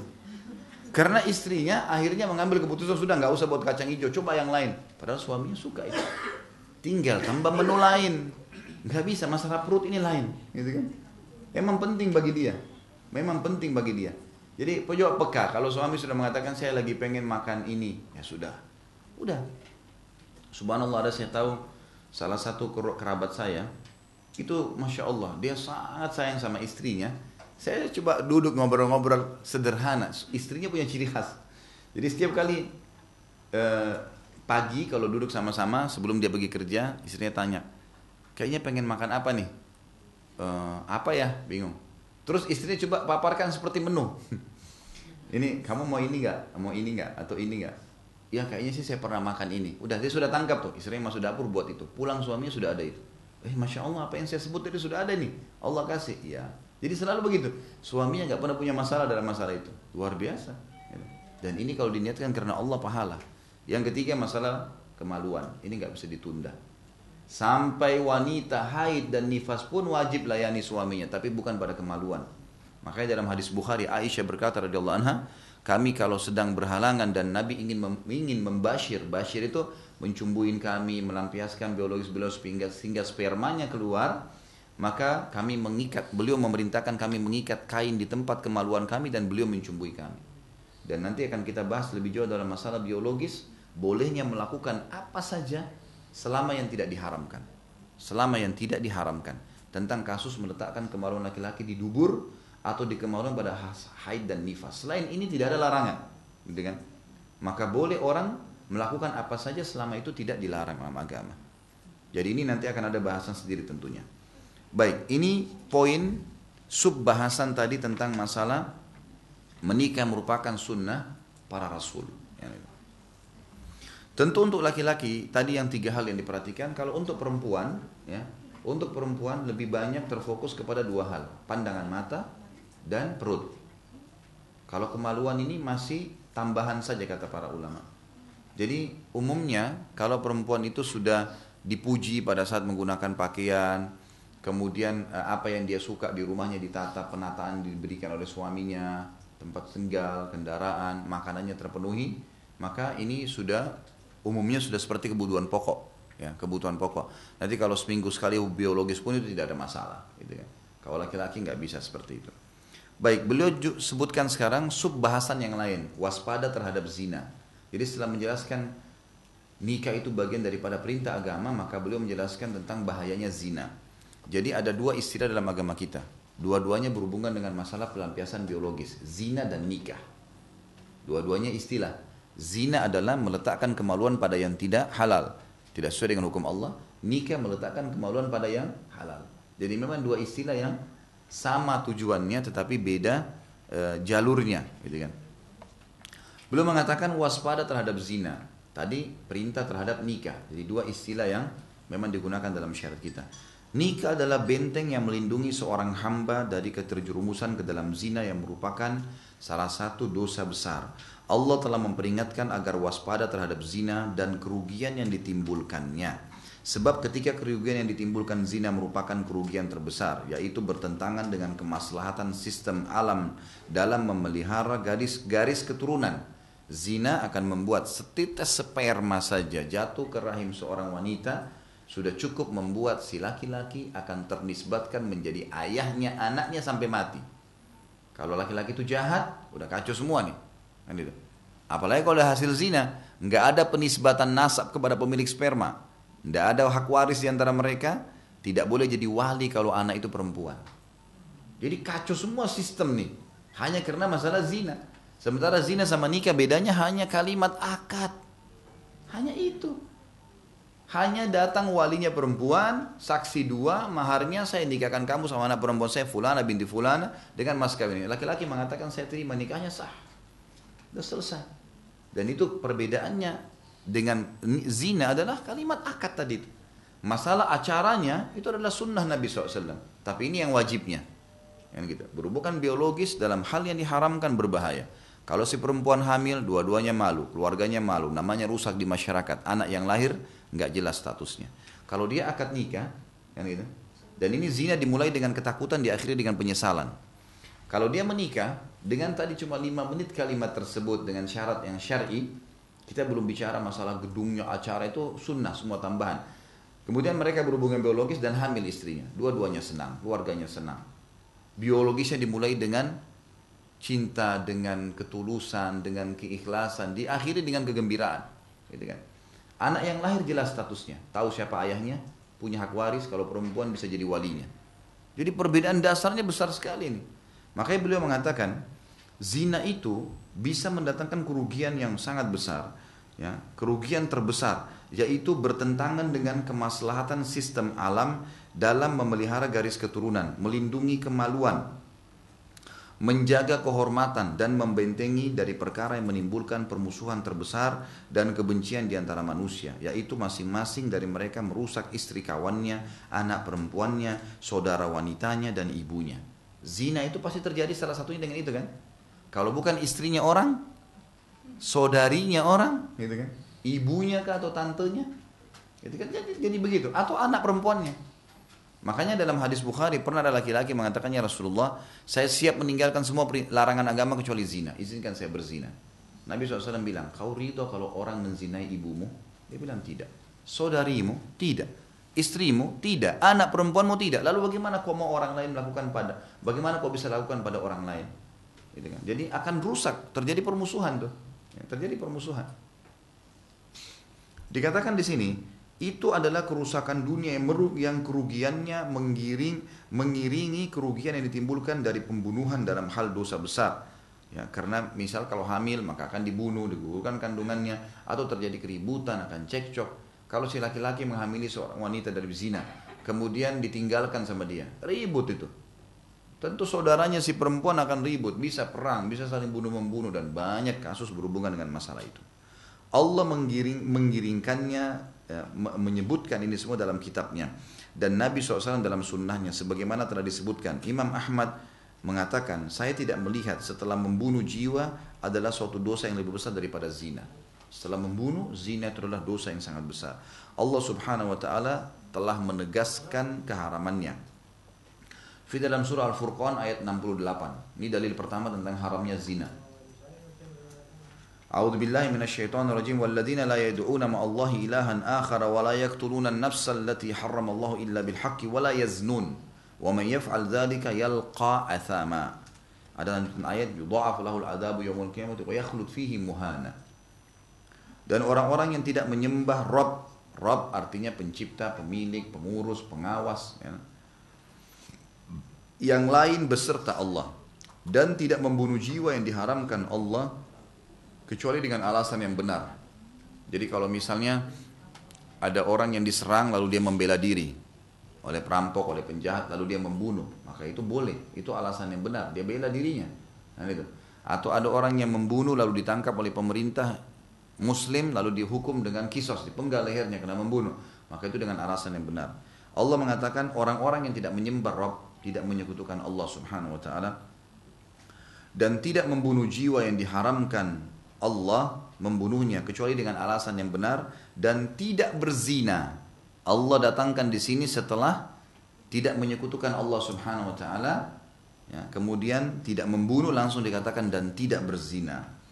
Barang siapa yang melakukan yang demikian itu, ada salah satu dari tiga dosa yang dilakukan, maka dia akan mendapatkan pembalasan dosanya. Lanjutan ayat adalah, dia akan dilipat gandakan hukumannya hari kiamat, dan akan kekal dalam api neraka. Gitu kan? Kalau dia menghalalkan, kekal. Misal ada orang zina, dia mengatakan, siapa yang bilang zina itu nggak boleh? Saya mau berzina. Misal, naudzubillah. Maka ini berarti dia sudah menghalalkan apa yang Allah haramkan. Hukumnya batal keislamannya. Ini bisa kekal dalam api neraka. Tentu di sini teman-teman sekalian, penyebab atau faktor utama seseorang itu atau banyak terjerumus zina, saya menyimpulkan ada dua. Yang pertama, karena memang kurang fahamnya banyaknya kaum muslimin tentang pentingnya nikah, ya, dan tidak ada batasan dalam menikah itu walaupun masih muda. Tidak ada hubungannya dengan materi. Ini karena jahilnya mereka. Sampai saya pernah bahasakan, kalau bapak ibu nanti punya anak, dan anak ini kelihatan kok secara kejiwaan. Kalau anak itu sudah mulai cenderung dengan lawan jenis, biasanya ada pembangkangan terhadap orang tua. Sering terjadi. Kalau kita lihat anak perempuan kita sudah mulai bantah orang tua, biasanya ada laki-laki di belakangnya dia. Sama sebaliknya, itu sudah umum ya. Saya tidak bicara secara person personalnya, tapi ini kita bicara secara globalnya. Maka sama halnya, anak laki-laki sudah mulai membangkang sudah gini karena ada perempuan di belakangnya. Ini semua permasalahan. Kalau kita lihat secara kejiwaan anak kita sudah butuh dengan pasangan, nikahkan. Oh anak saya masih 18 tahun, tidak masalah. Kenapa kalau dinikahkan? Konsep yang mengatakan harus ijazah dulu ini susah nih. Kalau dia tamat nanti umur 22 tahun, setelah itu ibunya dan ayahnya lagi dengan egonya, mereka punya pasangan bisa lampiaskan. Anaknya sudah nggak bisa menahan. Lalu kemudian dia bilang nanti nak kalau kamu sudah usaha, kalau kamu sudah kerja, nanti kalau kamu sudah kerja pun baru 2 tahun, ya. Nanti beli rumah dulu nanti beli begini. Akhirnya anaknya kalau tidak beriman berzina. Gitu kan? Ini nggak boleh. Kenapa kalau kita datangkan sepiring tambahan satu piring makanan di meja makan kita untuk anak mantu yang nanti kita bantu dengan ide-ide yang akhirnya membuat anak kita aman. Anaknya aman tuh karena sudah ada pelampiasannya. Dan subhanallah banyak anak laki-laki tadinya kekanak-kanakan sering ugal-ugalan begitu nikah diberikan tanggung jawab itu luar biasa berubah total. Apalagi kalau sampai dikasih rumah ini rumah kamu coba jalani rumah tangga kamu gitu kan. Insya Allah itu bisa. Jadi kekhawatirannya tidak perlu ada. Ini faktor pertama yang banyak membuat akhirnya ya pernikahan itu tertunda dan perzinahan merajalela. Karena kejahilan mereka tentang masalah hukum syar'i dan selalu menghubungkan prestasi dunia dengan masalah pernikahan. Padahal ini bagian daripada ibadah tidak tunggu prestasi dunia. Dan menikah tentu dengan orang-orang yang sepadan. Yang kedua pengaruh besar dari eksternal kaum muslimin dari luar nih. Seperti misalnya kehidupan orang-orang barat. Kan itu. Ini banyak sekali pengaruh mereka jadi harusnya pacaran dulu sebelum menikah harus kenal dulu lebih jauh. Kenal ini ada caranya. Dalam hukum syari ada kaidah penting dalam mengenal pasangan. Ada tiga poin dalam mengenal pasangan sudah cukup. Tidak perlu tidak perlu jalan sama-sama pun tidak masalah. Yang pertama, melihat sesuatu yang menarik bagi kita. Dan ini tolak ukurnya wajah dan telapak tangan. Kata ulama fikih, wajah itu adalah simbol dari kepala sampai ke perutnya. Dan telapak tangan ini adalah simbol dari kemaluan sampai ke kakinya. Artinya memberikan gambaran umumnya. Makanya wanita boleh dilihat muka dan telapak tangannya. Gitu kan? Ini kata Nabi SAW, lihatlah sesuatu yang menarik dari calon pasanganmu. Perempuan pun sama boleh melakukan hal yang sama, tapi umumnya laki-laki diperintahkan itu. Yang kedua, ya, ini faktor kita sedang menepis faktor eksternal ya. Karena banyak orang terpengaruh dengan pola hidupnya orang non-muslim. Kalau saya tidak pacaran, bagaimana bisa saya mengenalnya? Ini pemahaman yang salah. Dan dari mana konsepnya orang pacaran keluar berdua malam minggu tidak berzina? Bagaimana caranya bisa difahamin? Berdua ke bioskop, berdua ke tempat yang sunyi. Awal mungkin pegangan, hari selanjutnya ciuman, hari selanjutnya sentuh-sentuhan, zina. Nah, makanya Allah mengatakan wala takrabuz zina, jangan dekatin zina, jangan mulai SMS, jangan mulai ngobrol, jangan mulai buka. Caranya menikah bagaimana? Saya tidak kenal dia ustadz, ini rahasianya. Yang pertama, lihat sesuatu yang menarik dari wajah dan telapak tangan. Cukup, ini relatif. Anda bisa menilai masing-masing. Oh ini cukup buat saya. Oh saya suka alisnya, saya suka matanya, suka bibirnya. Itu boleh dalam syariat wajah dan telapak tangan. Yang kedua adalah mengenali keluarganya. Nah dari keluarga ayah, dari keluarga ayah itu akan mewariskan fisik. Akan mewariskan fisik. Jadi kita bisa lihat secara umum keluarga ayahnya, calon istri kita atau calon suami kita. Keluarga ayah ini akan menurunkan fisik, warna kulit, paras wajah, rambut, ini semua dari keturunan ayah. Karakter, sifat umumnya dari keluarga ibu. Ini sudah umum, karena biasanya ibu itu mewariskan juga selain untuk nutrisi tubuh dari ASI, juga adalah sifat, karakter. Kenapa kita tidak boleh makan hewan bertaring? Kenapa nggak boleh kita makan hewan ganas? Bertaring itu buas ya, Kenapa tidak boleh? Karena bisa hasil penelitian terakhir dalam ilmu medis ternyata memakan hewan-hewan yang buas ini bisa mewariskan sifatnya pada manusia. Kenapa babi diharamkan? Karena ada sifat-sifat buruk babi, bukan cuma sekedar cacing pita, gitu kan? Seorang syekh di negeri Syam pernah berdebat dengan seseorang pastor tentang masalah babi kenapa diharamkan, gitu kan? Maka syekhnya mengatakan naikkan di atas panggung tiga babi, dua jantan, satu betina, dan tiga ayam, e, dua jantan, satu betina. Karena si pastor bilang kalian mengharamkan babi karena alasan babi itu makan kotoran. Saya akan buat peternakan terbesar di Eropa yang tidak ada tidak ada e, babi ter, peternakan babi terbesar tidak tidak makan kotoran. Saya akan siapkan makan daging, minumnya susu. Selesai penyebab haramnya. Sementara kalian umat Islam makan ayam dan ayam itu makan kotoran. Maka syekhnya mendatangkan penelitian ilmiah dikatakan baik anda tidak usah turun dari podium pastor, saya akan jawab dari sini. Naikkan tiga ekor babi dan tiga ekor ayam. Tapi babi dulu. Dua jantan, satu betina. Ternyata babi ini punya sifat buruk. Dan ini akan terwariskan bagi orang yang memakannya. Ini secara medis terbukti seperti itu. Ternyata babi ini jantannya kalau mau menggauli betina, dia butuh jantan yang lain. Temannya yang dia saling merangsang jantan sama jantan yang terangsang duluan datang menggauli si betina. Setelah itu dia kembali bantu rangsang temannya untuk gauli betina yang sama. Itu sifat terjadi pada babi. Jadi sampai pada istrinya pun gonta ganti sama teman lain tidak apa-apa. Ini bahaya sekali. Kata Syekh sudah lihat turunin, naikkan ayam. Ayam jantan bersaing jantannya begitu dia dapat betinanya dia akan pertahankan sampai mati. Gak mungkin ada jantan lain dekatin, pasti diserang sama dia. Kata Syekhnya, ini perbedaan antara kami dengan kalian. Kalian seperti babi itu, kami seperti ayam itu. Kita punya mahram, tidak boleh sembarangan orang menyentuh ibu saya, saudari saya, anak saya, istri saya, nggak boleh sembarangan. Gitu kan? Sampai dalam Islam, ibu pun ya dan ayah punya batas aurat dengan anaknya. Apalagi anaknya kalau sudah sampai 10 tahun. Sebagian ulama mengatakan sinut tamiz 7 tahun. Ibu nggak boleh lagi mandiin anak laki-lakinya kalau sudah 7 tahun. Nggak boleh lagi lihat auratnya. Sudah dilarang itu. Sebagian ulama mengatakan 10 tahun. Sama bapak-bapak nggak boleh lagi mandikan anak perempuannya 7 tahun atau 10 tahun nggak bisa. Ini sesuai dengan hadis Nabi. Perintahkan mereka sholat di 7 tahun dan pukul mereka di umur 10 tahun serta pisahkan mereka di ranjang. Nggak boleh. Apalagi kalau sudah gadis, sudah bujang, ini lebih nggak boleh lagi. Nggak boleh lagi. Ibu nggak boleh sembarangan masuk di kamar anak laki-lakinya. Nggak boleh sembarangan masuk dengan perempuan. Dan satu-satunya yang boleh melihat tubuhnya semua hanya pasangan hidupnya. Sampai jadi maaf, jadi jenazah pun tidak boleh. Ya. Jadi jenazah pun tidak boleh. Ya. Jadi kalau misal ada di antara muslimah meninggal, anak laki-lakinya ada bujang, nggak boleh dia mandikan ibunya. Seorang ayah meninggal, anak perempuannya nggak boleh mandikan. Yang boleh cuma suami istri atau sesama jenis. Saking tegasnya penjagaan aurat dalam Islam. Ini nggak boleh, gitu kan? Baik. Jadi poin yang kedua untuk menikah supaya tidak pacaran, pacaran setelah nikah. Silakan setelah nikah pacaran sampai kapok, boleh. Nggak masalah. Berhubungan biologi sampai bosan-bosan, silakan. Ciuman sampai bosan, gitu kan. Keluar sama-sama sampai bosan, nggak apa-apa. Pahala malah, gitu kan.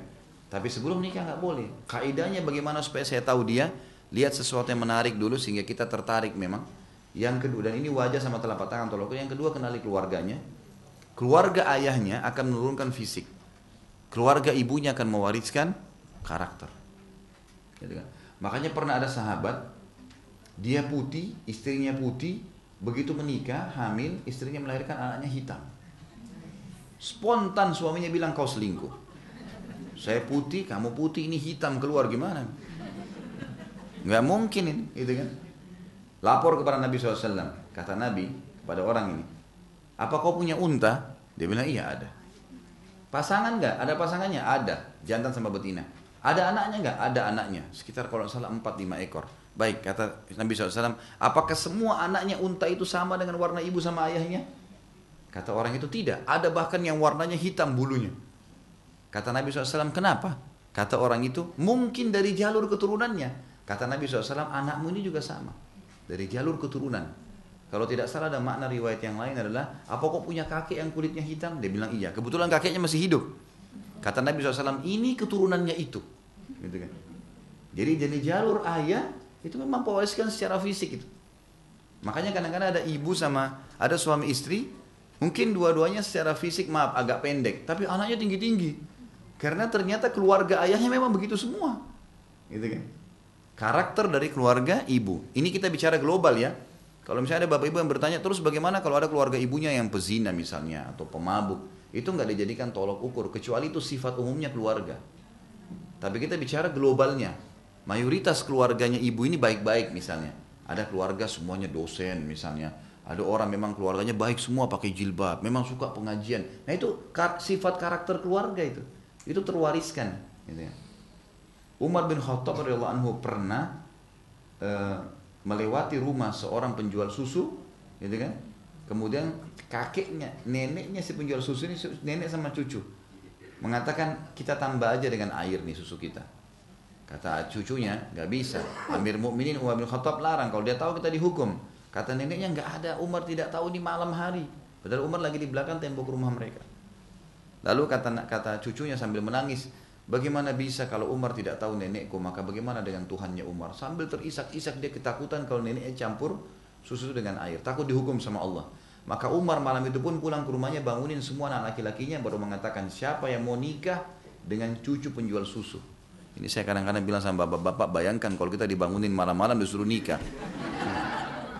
Gimana ya? Tapi Umar lakukan itu. Siapa yang mau nikah dengan cucu punya susu? Sampai waktu mereka tidak ada yang nyaut, karena ini baru bangun tidur, disuruh nikah. Lalu kata Umar, kalau tidak ada yang mau nikahi, saya akan nikahi, kata Umar. Lalu Asim angkat tangan mengatakan, saya ayahku, saya akan nikahi karena bakti kepada anda. Jadi Asim ini dalam beberapa asar pun dikatakan, tidak sampai memilih lagi, sudah memang dia langsung terima dinikahkan. Berkahnya adalah mereka dikarunia anak Abdul Aziz. Abdul Aziz punya anak namanya Umar. Umar bin Abdul Aziz salah satu khalifah Abbasiyah yang terkenal. Beliau ya terkenal sekali salah satu khalifah yang memimpin dari tahun 99 sampai 101 dua tahun saja nggak ada lagi orang yang mau menerima zakat nggak ada lagi orang yang mau menerima zakat karena keadilannya kata para sebagian ulama Umar bin Abdul Aziz adalah berkah dari keimanan si cucu penjual susu itu neneknya dia terwariskan kesolehannya itu. Jadi karakter terwariskan. Ini yang kedua tadi ya. Jadi kita mengenali fisik, kemudian mengenali keluarga, dan yang ketiga mengenali lingkungan. Lingkungan. Boleh dalam Islam seseorang bertanya pada calonnya, dia mengatakan, kamu biasanya kalau lagi di, kerja di mana? Oh kerja di sini. Baik, kita sudah tahu dari tempat kerjanya misalnya halal atau haramnya. Kemudian kita bisa bertanya, bisa kalau weekend kadang-kadang kamu ini buat apa? Oh saya biasa kalau weekend kumpul-kumpul di karaoke sama teman-teman saya. Oh saya biasa di bar. Oh saya biasa pantai nginap gini dan seterusnya. Jadi kita sudah bisa tangkap sebenarnya secara umum lingkungan tempat dia kerja, teman-temannya, kan gitu. Itu berpengaruh besar. Jadi kalau ada yang orang bilang saya e, berteman sama orang-orang yang setiap malam minggu kumpul-kumpul di bar lalu kita mau menganggap dia orang soleh, mustahil. Udah nggak mungkin. Ingat ibu-ibu dan bapak-bapak sekalian, salah memilih pasangan dari awal, salah semua ke depan nih. Konsekuensinya 10 tahun, 20 tahun harus kita perbaikin ke depan. Kalau ibu-ibu mau dapat suami, memang dasarnya mau suami yang temani sholat malam, ngingatin kalau lagi salah, gitu kan. Kemudian apa namanya, eh, selalu perintahkan untuk ingatkan perbuatan-perbuatan baik, baca Quran lah dan anak-anak nanti akan ikut tahfidz Quran. Memang dari awal cari orang yang azan ke masjid itu penuh masjid banyak orang saleh. Harus begitu. Pernah ada ibu-ibu tanya saya, Ustaz, saya 10 tahun menikah, suami saya selalu selingkuh. suami saya suka dusta. Saya tanya, Bu, ibu sebelum nikah sudah tahu belum suaminya begitu? Kalau dia istikharah, betul-betul ikhlas minta sama Allah, betul pasti Allah buka tuh. Tiba-tiba ketahuan dia dusta. Gitu. Tiba-tiba kita tahu informasi yang tidak benar dengan dia itu sudah peringatan dari Allah. Banyak ibu-ibu karena terpengaruh fisik saja. Oh yang penting ganteng dan kaya. Masalah playboy nggak masalah. Ya siap kalau gitu. Jangan heran kalau dia nanti selingkuh setelah nikah. Memang sifatnya begitu. Bapak-bapak juga begitu. Banyak bapak-bapak yang berangan-angan punya istri yang soleha, pakai jilbab, sholat, didik anak-anaknya Quran. Tapi nikahnya sama perempuan sembarangan di jalan yang tidak pakai jilbab. Gimana bisa ketemu antara target rumah tangga dengan cara milih pertama yang salah? Nih? Gak mungkin kan gitu. Jadi harus difahamin masalah-masalah seperti ini. Lingkungan pasangan penting. Kan gitu. Diketahui. Ini tiga hal kalau sudah diketahui insya Allah tidak ada masalah. Tinggal bismillah tawakal kepada Allah menikah. Allah akan berikan yang terbaik. Baik dikatakan di sini oleh beliau dalam ayat ini Allah swt menggiring zina ya, atau menyatukan zina sama syirik dan membunuh jiwa karena beratnya zina itu. Sebagai balasannya Allah menyediakan kekekalan di dalam neraka dalam azab yang berlipat ganda lagi hina selama seorang hamba tidak meninggalkannya. Ia wajib meninggalkannya dengan taubat, iman dan amal saleh. Allah Subhanahu wa taala berfirman dalam surah Isra ayat 32 A'udzu billahi minasyaitonir rajim wa la taqrabuz zina innahu kana fahishatan wa sa'a sabila. Janganlah kalian mendekati zina, jangan dekati zina, bukan jangan buat zina. Jangan dekati, tidak ada upaya untuk itu. Mulai melihat, mulai ngobrol, mulai tegur, tidak perlu. Ya. Sesungguhnya zina itu, kalau sudah kalian buka pintunya, adalah suatu perbuatan yang keji, pasti menyusahkan kalian dan jalan yang sangat buruk. Allah SWT telah mengabarkan tentang kenistaannya, kenistaan zina itu dengan sendirinya, yaitu keburukan yang mencapai klimaksnya sehingga kenistaan sudah melekat pada akal hingga bagi bagi banyak hewan sekalipun. Di alam hewan pun sendiri, subhanallah zina itu dianggap buruk. Kalau yang bukan pasangannya lalu dia gaulin itu ada alam hewan yang menganggap juga itu buruk. Itu dinukil dalam riwayat Bukhari dalam sahihnya bahwasanya Amr bin Amr bin Maimun al-Audi ia berkata, "Ra'aitu fil jahiliyah kirdan atau kiradan uh, kirdan zana bi kirdatin fajtama al-qurudu alaihima farajamuha hatta mata." Di masa jahiliyah, ini seorang sahabat radhiyallahu beliau bercerita dalam riwayat Bukhari, dia bilang di masa jahiliyah dulu sebelum masuk Islam, aku pernah melihat kera jantan berzina dengan kera betina. Maka kera-kera yang lain berkumpul di depan keduanya lalu merajam keduanya sampai mati. Pernah terjadi disaksikan oleh sahabat tuh. Jadi dianggap dia melanggar dilemparin gitu kan. Kemudian Allah mengabarkan tentang klimaksnya. Permasalahan adalah bahwa ia adalah seburuk-buruk jalan karena ia adalah jalan kebinasaan, kesengsaraan di dunia, jalan azab dan kehinaan di akhirat. Ya. Menikahi ya, seperti misalnya puncak zina adalah menikahi istri istri ayah adalah zina yang paling buruk. Tentu zina ada tingkatan-tingkatan ya. Yang paling pertama, yang paling buruk adalah zina dengan mahram. Zina dengan mahram ini paling berat dosanya. Seperti orang ibu sama anak, ayah sama anak, saudara sama saudarinya. Ini kalau terjadi ini zina yang paling berat nih. Termasuk di dalamnya adalah menikah dengan mantan istri ayah. Ini nggak boleh. Jadi kalau misalnya laki-laki poligami, dari istri pertama dia punya hanya anak ada yang bujang. Bahkan mungkin anak dari istri pertama lebih tua daripada istri keduanya. Si ayah meninggal. Tidak boleh si anak ini menikahi mantan istri mantan istri ayah nggak boleh. Walaupun lebih muda. Bahkan pernah terjadi Nabi SAW mendapatkan informasi di satu jazirah Arab ada laki-laki menikahi mantan istri ayahnya karena masih lebih muda. Ayahnya meninggal dinikahi. Maka Nabi SAW suruh ke sana membatalkan pernikahannya lalu mengambil setengah hartanya sebagai denda. Gitu kan hukuman gitu kan. Jadi ini nggak boleh. Kemudian level zina yang dibawanya adalah berzina dengan istri para mujahid ini lain ya ini memang ada hadis kata Nabi SAW siapa pun yang mengganggu istri mujahid Suaminya lagi jihad, kemudian dia datang menggodanya, wanita kadang-kadang lemah, mungkin bisa tergoda. Maka mungkin dengan khidmah dengan ini akhirnya dia terpengaruh. Kalau dia berzina dengan istri mujahid, maka Allah akan datangkan si mujahid tadi hari kiamat berhadapan dengan yang menzinai istrinya untuk mengambil pahala dia semaunya. Maka kata Nabi SAW, apakah kalian mengira si mujahid akan mengil, men, men, menyiak, apa, e, menyisakan satupun dari pahalanya? Tanda tanya, tentu tidak. Gitu kan? Ini zina yang berat yang kedua. Zina yang ketiga adalah berzina dengan pasangan tetangga. Ini lebih berat. Ini berat juga nih. Zina dengan pasangan tetangga.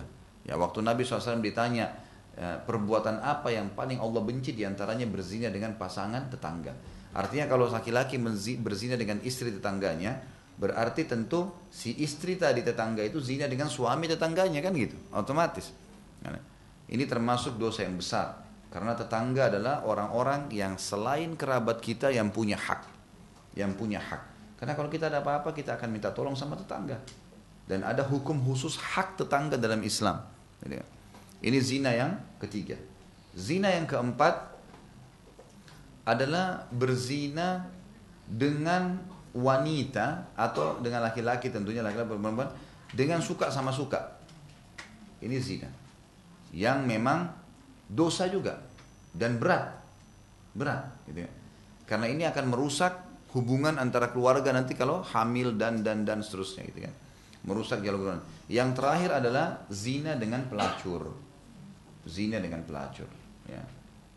Ini bukan berarti zina dengan pelacur berarti ringan, tidak. Dia dari level dosa zina semuanya besar, tapi dia yang paling rendah. Karena dasarnya pelacur itu tidak ada urusannya, gitu Tapi tetap dosa besar, tetap dosa besar. Kata beliau, Allah Subhanahu wa taala mengkhususkan dengan celaan yang lebih dengan mengatakan hal itu adalah kenistaan menjadikannya menjadikan Allah murka dan buruk jalannya. Allah juga mengaitkan keberuntungan seorang hamba pada sikap memelihara kemaluannya dari zina. Tidak ada jalan baginya menuju keberuntungan tanpa hal itu. Sebagaimana Allah telah berfirman di dalam surah Al-Mu'minun ayat 1 sampai ayat 7. Bunyinya A'udzubillahi minasyaitonirrajim qad aflahal mu'minun الذين هم في صلاتهم خاشعون والذين هم عن اللغو معرضون والذين هم للزكاة فاعلون والذين هم لفروجهم حافظون إلا على أزواجهم أو ما ملكت أيمانهم فإنهم غير ملومين فمن ابتغى وراء ذلك فأولئك هم العادون Sesungguhnya beruntunglah orang-orang yang beriman, yaitu orang-orang yang khusyuk dalam sholatnya. Khusyuk artinya konsentrasi. Ini sifat-sifat orang yang beriman dan dijanjikan masuk surga Firdaus, surga tertinggi. Kata Allah, beruntunglah orang yang beriman, ciri pertamanya adalah orang yang khusyuk dalam sholat, konsentrasi.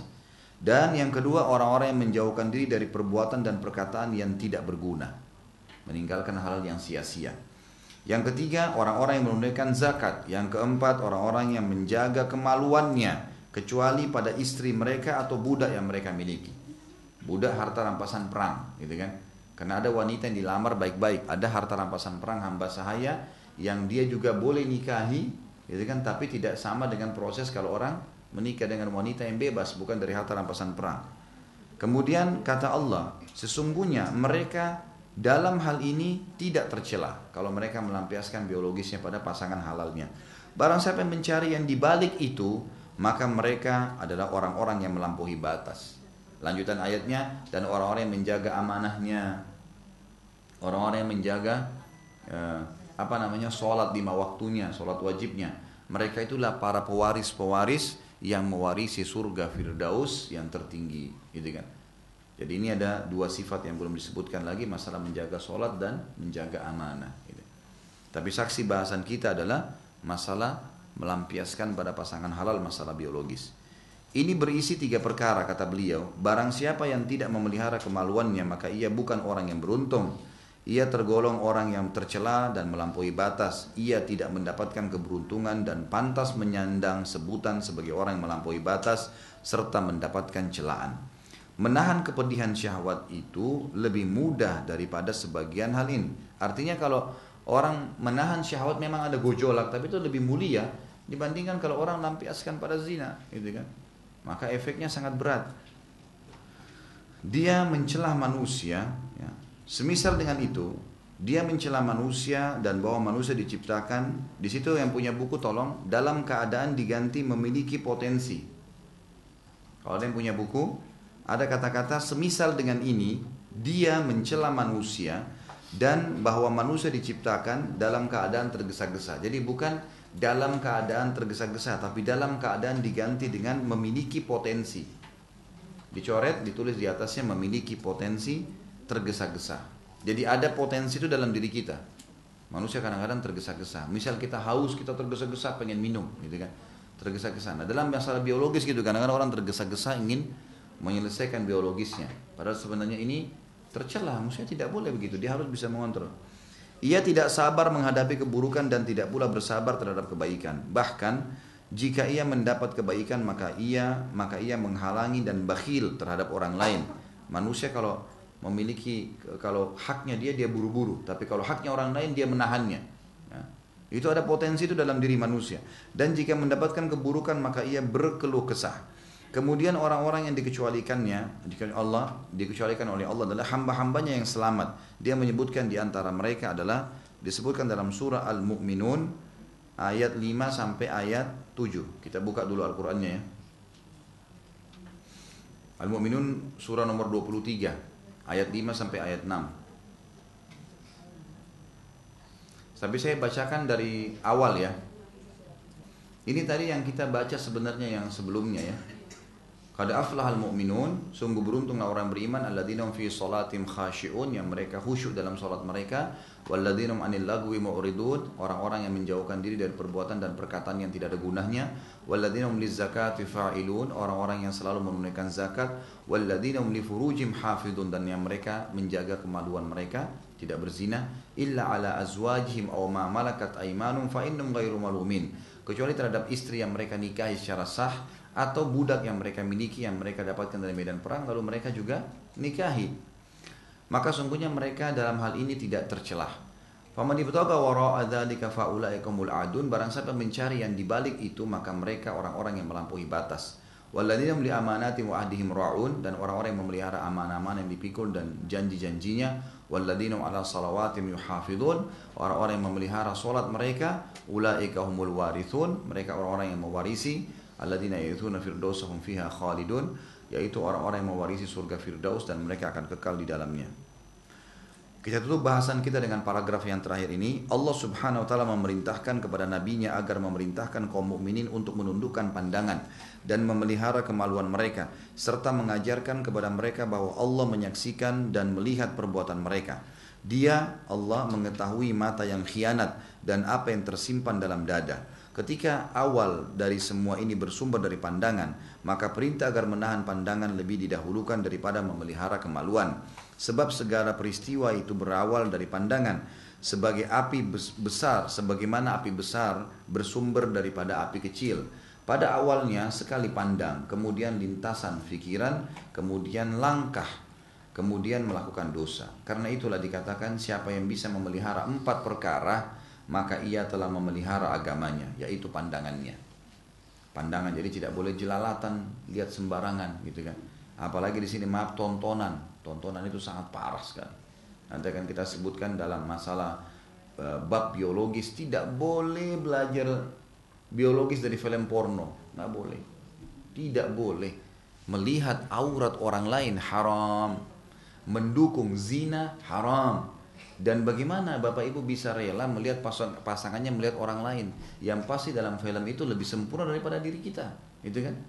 Maka pasti dia akan berzi, dia akan berhubungan bareng sama kita tapi membayangkan. Dan ini tidak boleh ini termasuk bagian daripada zina. Bagian daripada zina.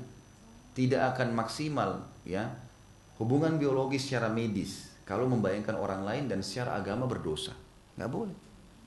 Harus pasangan kita memang di depan kita. Bagaimana orang yang sedang merangsang kita lalu kita membayangkan orang lain itu nggak mungkin, gitu kan? Secara agama haram, secara medis tidak sehat. Sampai ada seorang ibu pernah membahasakan kepada saya ini bukan aib dan saya tidak sebutkan namanya, cuma mengatakan Ustadz saking parahnya apa yang Ustadz sampaikan ke saya kami tadi itu masalah menonton ini sampai suami saya sekarang kalau mau hubungan biologi sama saya harus pasang lap, nyalain laptop nonton film porno baru bisa menggauli salah saya karena sudah bertahun-tahun begitu jadi dia sambil melihat sambil menggauli istrinya. Jadi istrinya cuma seperti boneka saja. Tidak ada manfaatnya. Ini penyakitnya parah sekali. Nggak boleh. Ada dukungan terhadap zina, melihat aurat orang, dan merusak hubungan kita dengan pasangan kita. Itu nggak boleh. Jadi pandangan sini maksudnya pandangan yang memang diharamkan nggak boleh. Lintasan pikiran tidak boleh membayangkan ya mereka-mereka itu Kata-kata dan juga langkah. Kata-kata tidak boleh mengucapkan yang berbau syahwat dengan yang tidak halal. Tidak boleh. Sama suami, sama istri silakan ucapkan. Maka setiap hamba harus menjadi, pengawal bagi dirinya di depan empat pintu tersebut dan senantiasa berjaga-jaga di perbatasannya. Sebab dari sinilah musuh akan masuk, syaitan. Lalu memasuki seluruh penjuru negeri dan menghancurkannya sehancur-hancurnya. Akan rusak semua kejiwaan. Nikah adalah perisai dan pelindung seorang hamba dari terjerumus ke dalam zina. Wa billah. Nikah adalah salah satu jalan yang membantu terlaksananya, terlaksananya syariat Allah Subhanahu wa taala. Sebagaimana firman-Nya dalam surah Al-A'raf 189 A'udzu billahi minasyaitonir rajim huwa alladzi khalaqakum min nafsin wahidah wa ja'ala minha zawjaha liyaskuna ilaiha.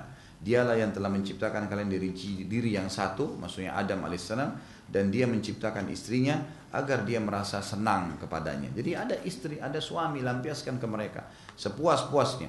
Kalau ada di antara bapak ibu yang bosan dengan pasangannya syaitan, a'udzu billahi minasyaitonir rajim.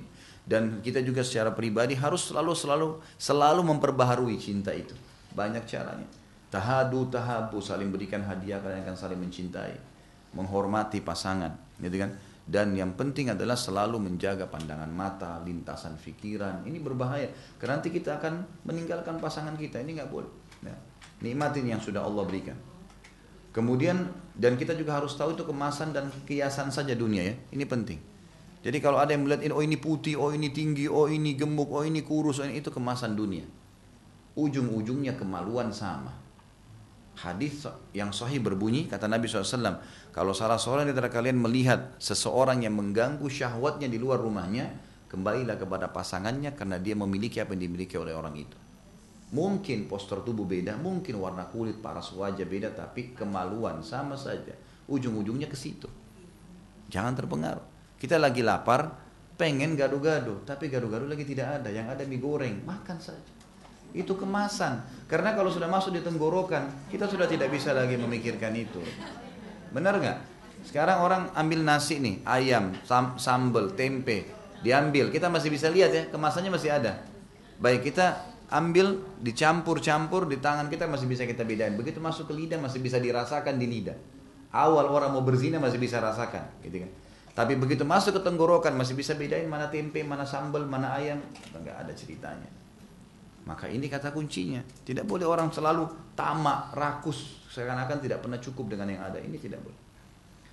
Terakhir adalah kita tutup sampai sini adalah surah Ar-Rum diangkat oleh beliau yang Allah Subhanahu wa taala berfirman A'udzu billahi minasyaitonir wa min ayatihi an khalaqa lakum min anfusikum azwajan litaskunu ilaiha wa ja'ala bainakum mawaddatan wa rahmah inna fi dzalika laayatin. Artinya dan di antara tanda-tanda kekuasaannya adalah dia. Allah menciptakan untuk kalian istri-istri dari jenis kalian sendiri. Sama-sama manusia. Ya. Jadi sama. Eh, cuma berbeda sedikit alisnya tipis tebal dan tapi sama manusia. Eh, agar kalian cenderung dan merasa tentram kepadanya dan dijadikanlah di antara kalian rasa kasih dan sayang sungguhnya pada demikian itu benar-benar terdapat tanda-tanda bagi kaum yang mau berpikir kata ulama puncaknya seseorang merasakan kenikmatan dengan pasangannya kalau dia betul-betul menjalankan sesuai dengan syariat. Kejenuhan terjadi kalau rumah tangga sudah dimulai dengan zina terlebih dahulu, misal, ya, atau ada dosa-dosa, atau memang masih terus-menerus melihat karena tidak pernah selesai ini, tidak pernah selesai. Ya, tidak pernah selesai masalah godaan-godaan. Ada seorang laki-laki datang kepada syekhnya mengatakan, "Hai syekh di Saudi, kenapa ya saya waktu sebelum nikah sama istri saya, saya lihat istri saya wanita yang paling cantik di dunia." Setelah menikah, saya melihat dia biasa saja. Setelah punya anak, saya melihat banyak perempuan yang bersama dengan bersaing sama dia. Setelah anak mulai membesar, saya melihat dia orang yang paling jelek. Oh ya. Bagaimana cara, bagaimana apa yang terjadi? Kata syekhnya, permasalahannya ada di matamu. Kata begitu syekh, di matamu. Karena kamu terus jelalatan, maka istrimu akan terus menurun kualitasnya. Karena di luar sana akan terus ada yang lebih muda dari dia. Turunkan pandangan matamu, maka kau akan bisa mengembalikan istrimu jadi tercantik seperti sebelumnya. Gitu kan? Tidak boleh pada yang haram, harus tahu masalah itu.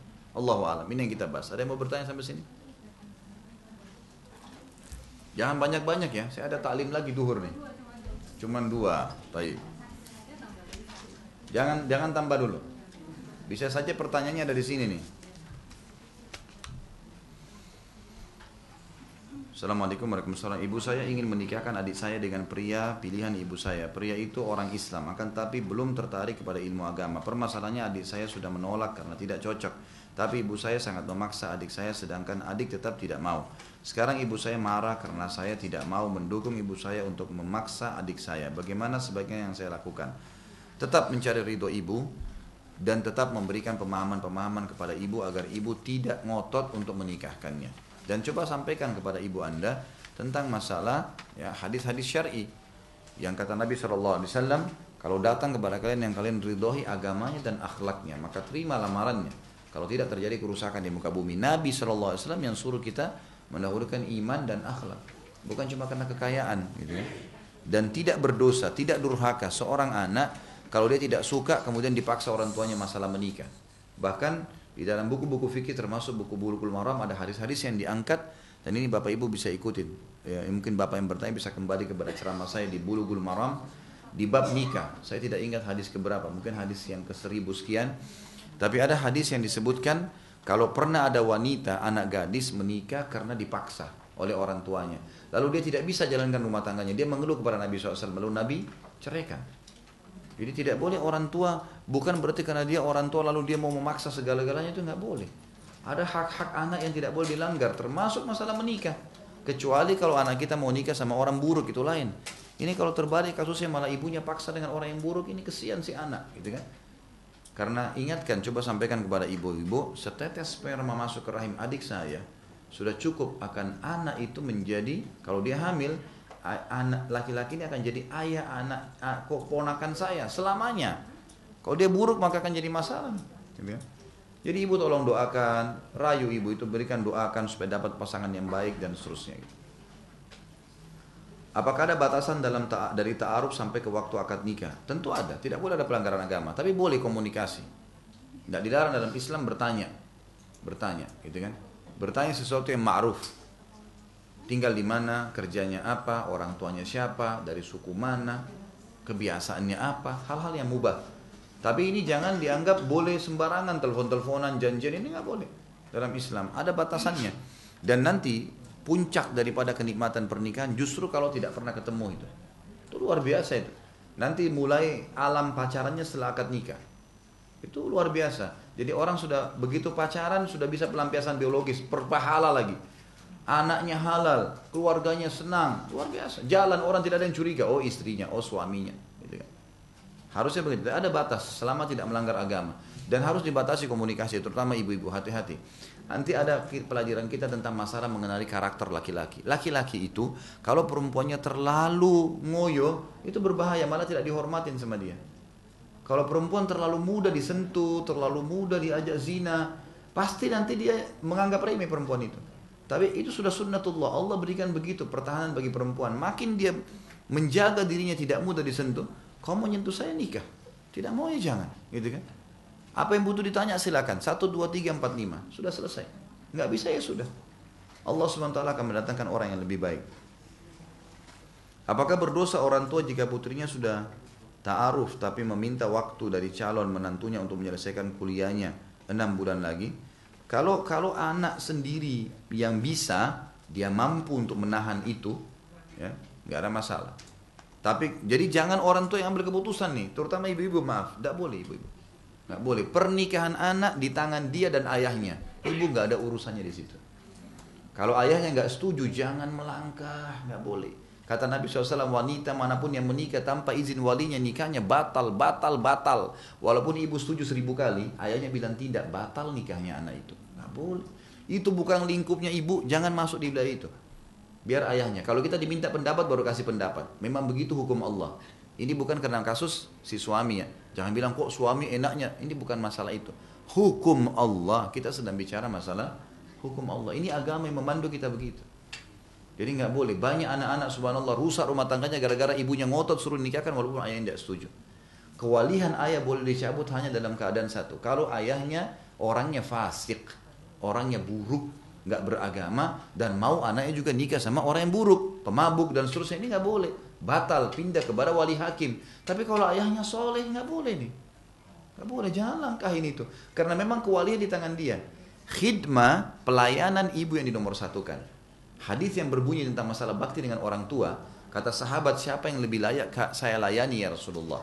Khidmah, bisuhbati, maksudnya saya temanin, saya layani. Kata Nabi ibumu, siapa lagi Rasulullah ibumu, siapa lagi ibumu, kemudian siapa ayahmu. Maksudnya gini, kalau ibu minta diambilin air, ayah juga minta diambilin air, yang didahulukan siapa? Ibu, khidmah. Nah antara saya ke sini, ibu bilang begitu, ayah bilang nah antara saya ibu yang didahulukan. Tapi dalam masalah izin keluar rumah, dalam masalah nikah, dalam masalah penisbatan nama, nggak boleh kecuali ayah. Nggak bisa ini dibantah. Bahkan kata Nabi SAW, siapa yang membenci ayahnya dia telah kufur. Boleh. Orang izin keluar rumah tanpa izin, ayahnya itu bisa bahaya, dilaknat. Ya, baik itu anak-anak ataupun si istri. Ini harus kita tahu ada batasannya. Saya memiliki anak laki-laki usia 20 tahun dan sedang dekat dengan seorang gadis. Maaf tadi yang saya ya, titik beratkan pertanyaan itu. Jadi orang tua jangan mencampuri. Dia keadaan anak ya. Anaknya mampu menunggu ya tidak apa-apa. Dan itu harus ada udur syari. Tidak ada hubungannya masalah selesai sekolah dengan menikah Bapak Ibu sekalian. Teman-teman saya saya lihat dengan mata kepala saya sendiri waktu masih kuliah di Madinah tahun 90 mereka masih tingkat 1 tingkat 2 kuliah menikah bawa istrinya ke Saudi prestasi itu kuliahnya nggak ada masalah sama sekali bahkan subhanallah bisa meredam syahwat mereka di tempat kuliah banyak anak laki-laki ngeluh sama saya mengatakan Ustadz saya itu kan dia bilang saya begitu faham sunnah sudah ikut pengajian saya tahu saya harus menikah saya tahu harus menikah tapi ibu saya, ayah saya tidak izinkan harus selesai kuliah. Saya masih baru tingkat satu kuliah. Saya tidak bisa tahan syahwat saya. Fitnah di kampus. Pilihannya lanjutkan kuliah dalam kondisi mengekang diri atau saya berhenti kuliah. Ayah ibu saya tidak mau nikahkan. Kenapa ini? Kenapa bapak ibu ego begini nih? Apa hubungannya gitu? Kalau dia berhasil sampai ijazah dapat ijazah, kalau dia meninggal sebelum itu, gimana caranya? Ini jangan lawan sistem alam yang luas ini bisa meninggal sebelum nikah, kan gitu. Bisa ada orang subhanallah sarjana mau wisuda tabrakan mati. Pernah ada pegawai ayah saya di kota Makassar begitu. Subhanallah, pas mau sarjana, eh, sarjana wisuda, mau nikah seminggu kemudian tabrakan waktu keluar dari wisuda mati. Ajalnya datang. Orang tuanya sampai jangan kenapa nggak nikahkan dari dulu? Kesian, itu kan. Jadi jangan tarik tolok ukur anak kita kepada kita, tidak boleh. Dan jangan pernah warisi keburukan kepada anak-anak Bapak Ibu sekalian. Banyak ibu-ibu maaf, hamil di luar nikah sebelum nikah. Dia mau juga anaknya hamil di luar nikah. Ini warisan buruk. Buktinya dia biarin anaknya sembarangan. Nggak boleh ini. Gitu kan? Kalau kita bisa baca Quran umur 30 tahun, 40 tahun, jangan anak kita, anak kita 6 tahun harus hafal Quran. Harus yang baik, berubah. Gitu kan? Maka jika harus lebih baik, jangan salah. Saya memiliki anak laki-laki usia 20 tahun yang sedang dekat dengan seorang gadis saya khawatir akan terjadi perzinahan. Haruskah saya nikahkan secara siri mengingat mereka berdua masih kuliah? Jika nanti mereka sudah selesai kuliah dan bekerja, bolehlah dilakukan akad nikah dan walimah seperti lainnya pernikahan pada umumnya. Kenapa harus nikah siri? Kenapa nggak dinikahkan? Tidak usah malu, Bapak Ibu sekalian. Tidak usah malu dengan, oh nanti anaknya belum selesai kuliah sudah nikah. Iya, nggak apa-apa. Apa yang aib di situ? Persepsi ini harus dilawan nih, itu kan? Persepsi negatif ini semua prasangka muslim, ya. Perasaan muslim, apa saja. Semua itu harus tunduk kepada hukum Allah. Allah bilang A, baik, walaupun dunia mengatakan buruk, kita mengatakan baik. Allah mengatakan baik buruk, walaupun seluruh dunia mengatakan baik, kita mengatakan buruk. Itu orang muslim. Agama jadi patokan, gitu kan. Pertanyaan terakhir, apakah ada tanda-tanda jika seorang seseorang ada adalah jodoh kita? Jadi gini, Takdir ada dua macam, ada ikhtiar, ada mutlak. Takdir mutlak Bapak Ibu sekalian tidak ada campur tangan kita di situ. Misal, lahir dari rahim ibu siapa? Siapa ibu kita, siapa ayah kita, kita nggak bisa milih. Lahir ini ibumu, ini ayahmu. Anak kita nggak bisa milih. Fungsi anggota tubuh, mata melihat, telinga mendengar, kuping mendengar tadi, kemudian lidah mengecap, bibir mengucap, tangan memegang, kaki melangkah. Ini semua sudah tidak bisa diubah. Nggak ada orang bisa makan dengan matanya, Ya, melihat dengan telinganya nggak bisa. Sistem alam, pergantian siang malam, hujan, musim, tidak bisa dilawan. Itu mutlak. Termasuk dalamnya adalah sebagian rezeki dan ajal. Ini nggak ada campur tangan kita. Rezeki termasuk misalnya air sama teh ini saya nggak pernah pesan, lalu dikasih. Kita lagi duduk di rumah dikasih makanan. Orang tua kita banting tulang kita dapat warisan. Mutlak datang kepada kita. Ini mau tidak mau akan datang rezeki ini. Kata Nabi SAW tidak ada jiwa yang meninggal dunia kecuali rezekinya akan dilengkapkan. Maksudnya rezeki mutlak. Ada yang takdir kedua namanya ikhtiar. Ikhtiar ini berhubungan dengan perilaku seorang hamba, pilihan dia. Seperti makan, minum, aktivitas sehari-hari, tidur. Masuk dalamnya menikah. Masuk dalamnya menikah. Masuk dalamnya juga memilih kebenaran dan kebatilan. Masuk Islam atau tidak. Itu namanya takdir ikhtiar. Artinya Allah catat di lohil mahfud tapi sesuai dengan pilihan hamba itu. Dia yang milih. Dia yang tentuin. Misal saya mau menikah dengan A, B, C, lalu saya pilih si B. Pilihan saya. Allah SWT cuma berikan petunjuk, cari yang baik, yang beriman, gitu kan. Mau lebih jelas istikhara, saya akan berikan petunjuk. Tapi pilihan dia, itu namanya takdir ikhtiar. Dalam masalah jodoh ini ikhtiar kita. Ikhtiar. Dan kita pada saat tidak mau, salah kalau ada orang bilang jodoh saya belum datang, ini keliru. Pertanyaan saya kepada orang yang berkata seperti ini, berapa banyak orang yang telah Allah utus Anda tolak? Yang putih datang nggak mau, yang hitam datang nggak mau, yang gemuk nggak mau, yang pendek nggak mau. Maunya apa nih? Rewel dia sendiri. Nggak mau yang ini, terlalu gemuk. Baik, Allah kirim yang kurus. Ah, terlalu kurus. Ya. Datang yang tinggi, ini terlalu tinggi. Banyak, dia yang nolak. Coba kalau dia tangkap sinyalnya Allah subhanahu wa ta'ala.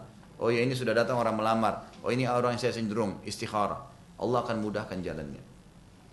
Jadi tidak ada tanda khusus kecuali kita sudah tahu orang itu datang misalnya atau memang ada kecenderungan mengungkapkan ingin menikah kita tinggal istikharah Allah tinggal mudahkan bagaimana proses pernikahan secara syar'i ini ada bahasan juga sendiri nanti ada di buku kita ini dan ada juga insya Allah di materi saya sudah diangkat di YouTube manajemen rumah tangga Islam pertama nggak boleh ada pelanggaran agama pernikahan Islam tidak boleh ada pelanggaran agama tidak boleh ada pelanggaran agama tidak boleh zina sebelum nikah Ya, gitu.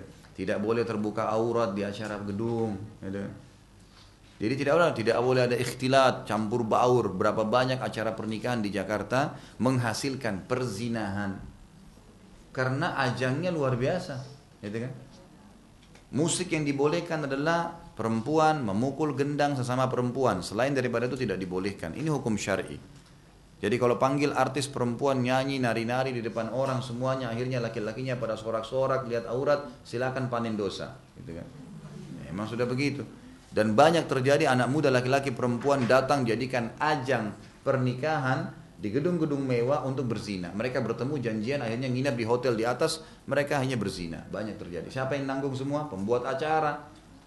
Punya andil. Gimana caranya? Gak boleh ada kemaksiatan. Yang kedua, Pernikahannya harus ada wali wanita. Yang ketiga, ada mahar. Wali ini ayahnya ya. Tidak ada ayahnya, saudaranya. Kalau dia janda punya anak laki-laki boleh jadi walinya. Pamannya, pokoknya ada laki-laki. Fungsi wali ibu-ibu sekalian untuk membela diri anda. Supaya laki-laki yang akan jadi suami kita tahu, oh ini ada laki-lakinya juga di belakang. Mereka nggak akan menganggap remeh. Itu wali, fungsinya ada. Dan Nabi mengatakan tadi siapa yang nikah tanpa izin walinya nikahnya batal, batal, batal, nggak bisa. Yang ketiga, harus ada mahar. Mahar adalah sesuatu yang ditaruh pada saat akad nikah disebutkan. Dan makin sederhana, makin besar berkahnya. Kata Nabi SAW, Aktharuhunna barakah, akaluhunna mahra. Wanita yang paling sedikit maharnya, yang paling banyak berkah pernikahannya. Kalau kita Alhamdulillah Indonesia sudah bagus ya, perangkat sholat, mungkin cuma 5 gram emas, itu bagus. Karena pernikahan bukan ajang menjual anak. Bukan ajang bisnis di transaksi, berapa kau kasih, berapa ini, dan seterusnya. Kemudian yang keempat adalah uh, diiklankan pernikahan itu, diiklankan. Jadi kata Nabi SAW kepada Abdurrahman ibn Auf, Abdurrahman tiba-tiba sudah nikah dan orang Nabi SAW tidak diundang. Kata Nabi, kenapa kau berubah ya Abdurrahman? Dia bilang, saya sudah nikah dengan wanita Ansar ya Rasulullah. Abdurrahman ibn Auf adalah muhajir dari Mekah. Lalu kata Nabi SAW, Aulim walau bisyad, iklankan walaupun dengan seekor kambing saja. Jika orang tua mengatakan nanti saya nikah, nanti saja nikah, kerja dulu. Apa yang harus saya lakukan? Saya memang baru tamat kuliah, seorang ikhwan. Jelaskan kepada orang tua Anda bahwasanya kebutuhan saya terhadap pernikahan sudah ada dan harus. Tidak bisa tidak. Jelaskan apa apanya sambil doakan mudah-mudahan Allah SWT membuka hatinya. Allah alam. Mungkin begitu dulu kalau udah benar dari Allah, kalau salah dari saya mohon dimaafkan. Subhanakallahumma wa bihamdika asyhadu an la ilaha illa anta astaghfiruka wa atubu ilaik. Wassalamualaikum warahmatullahi wabarakatuh.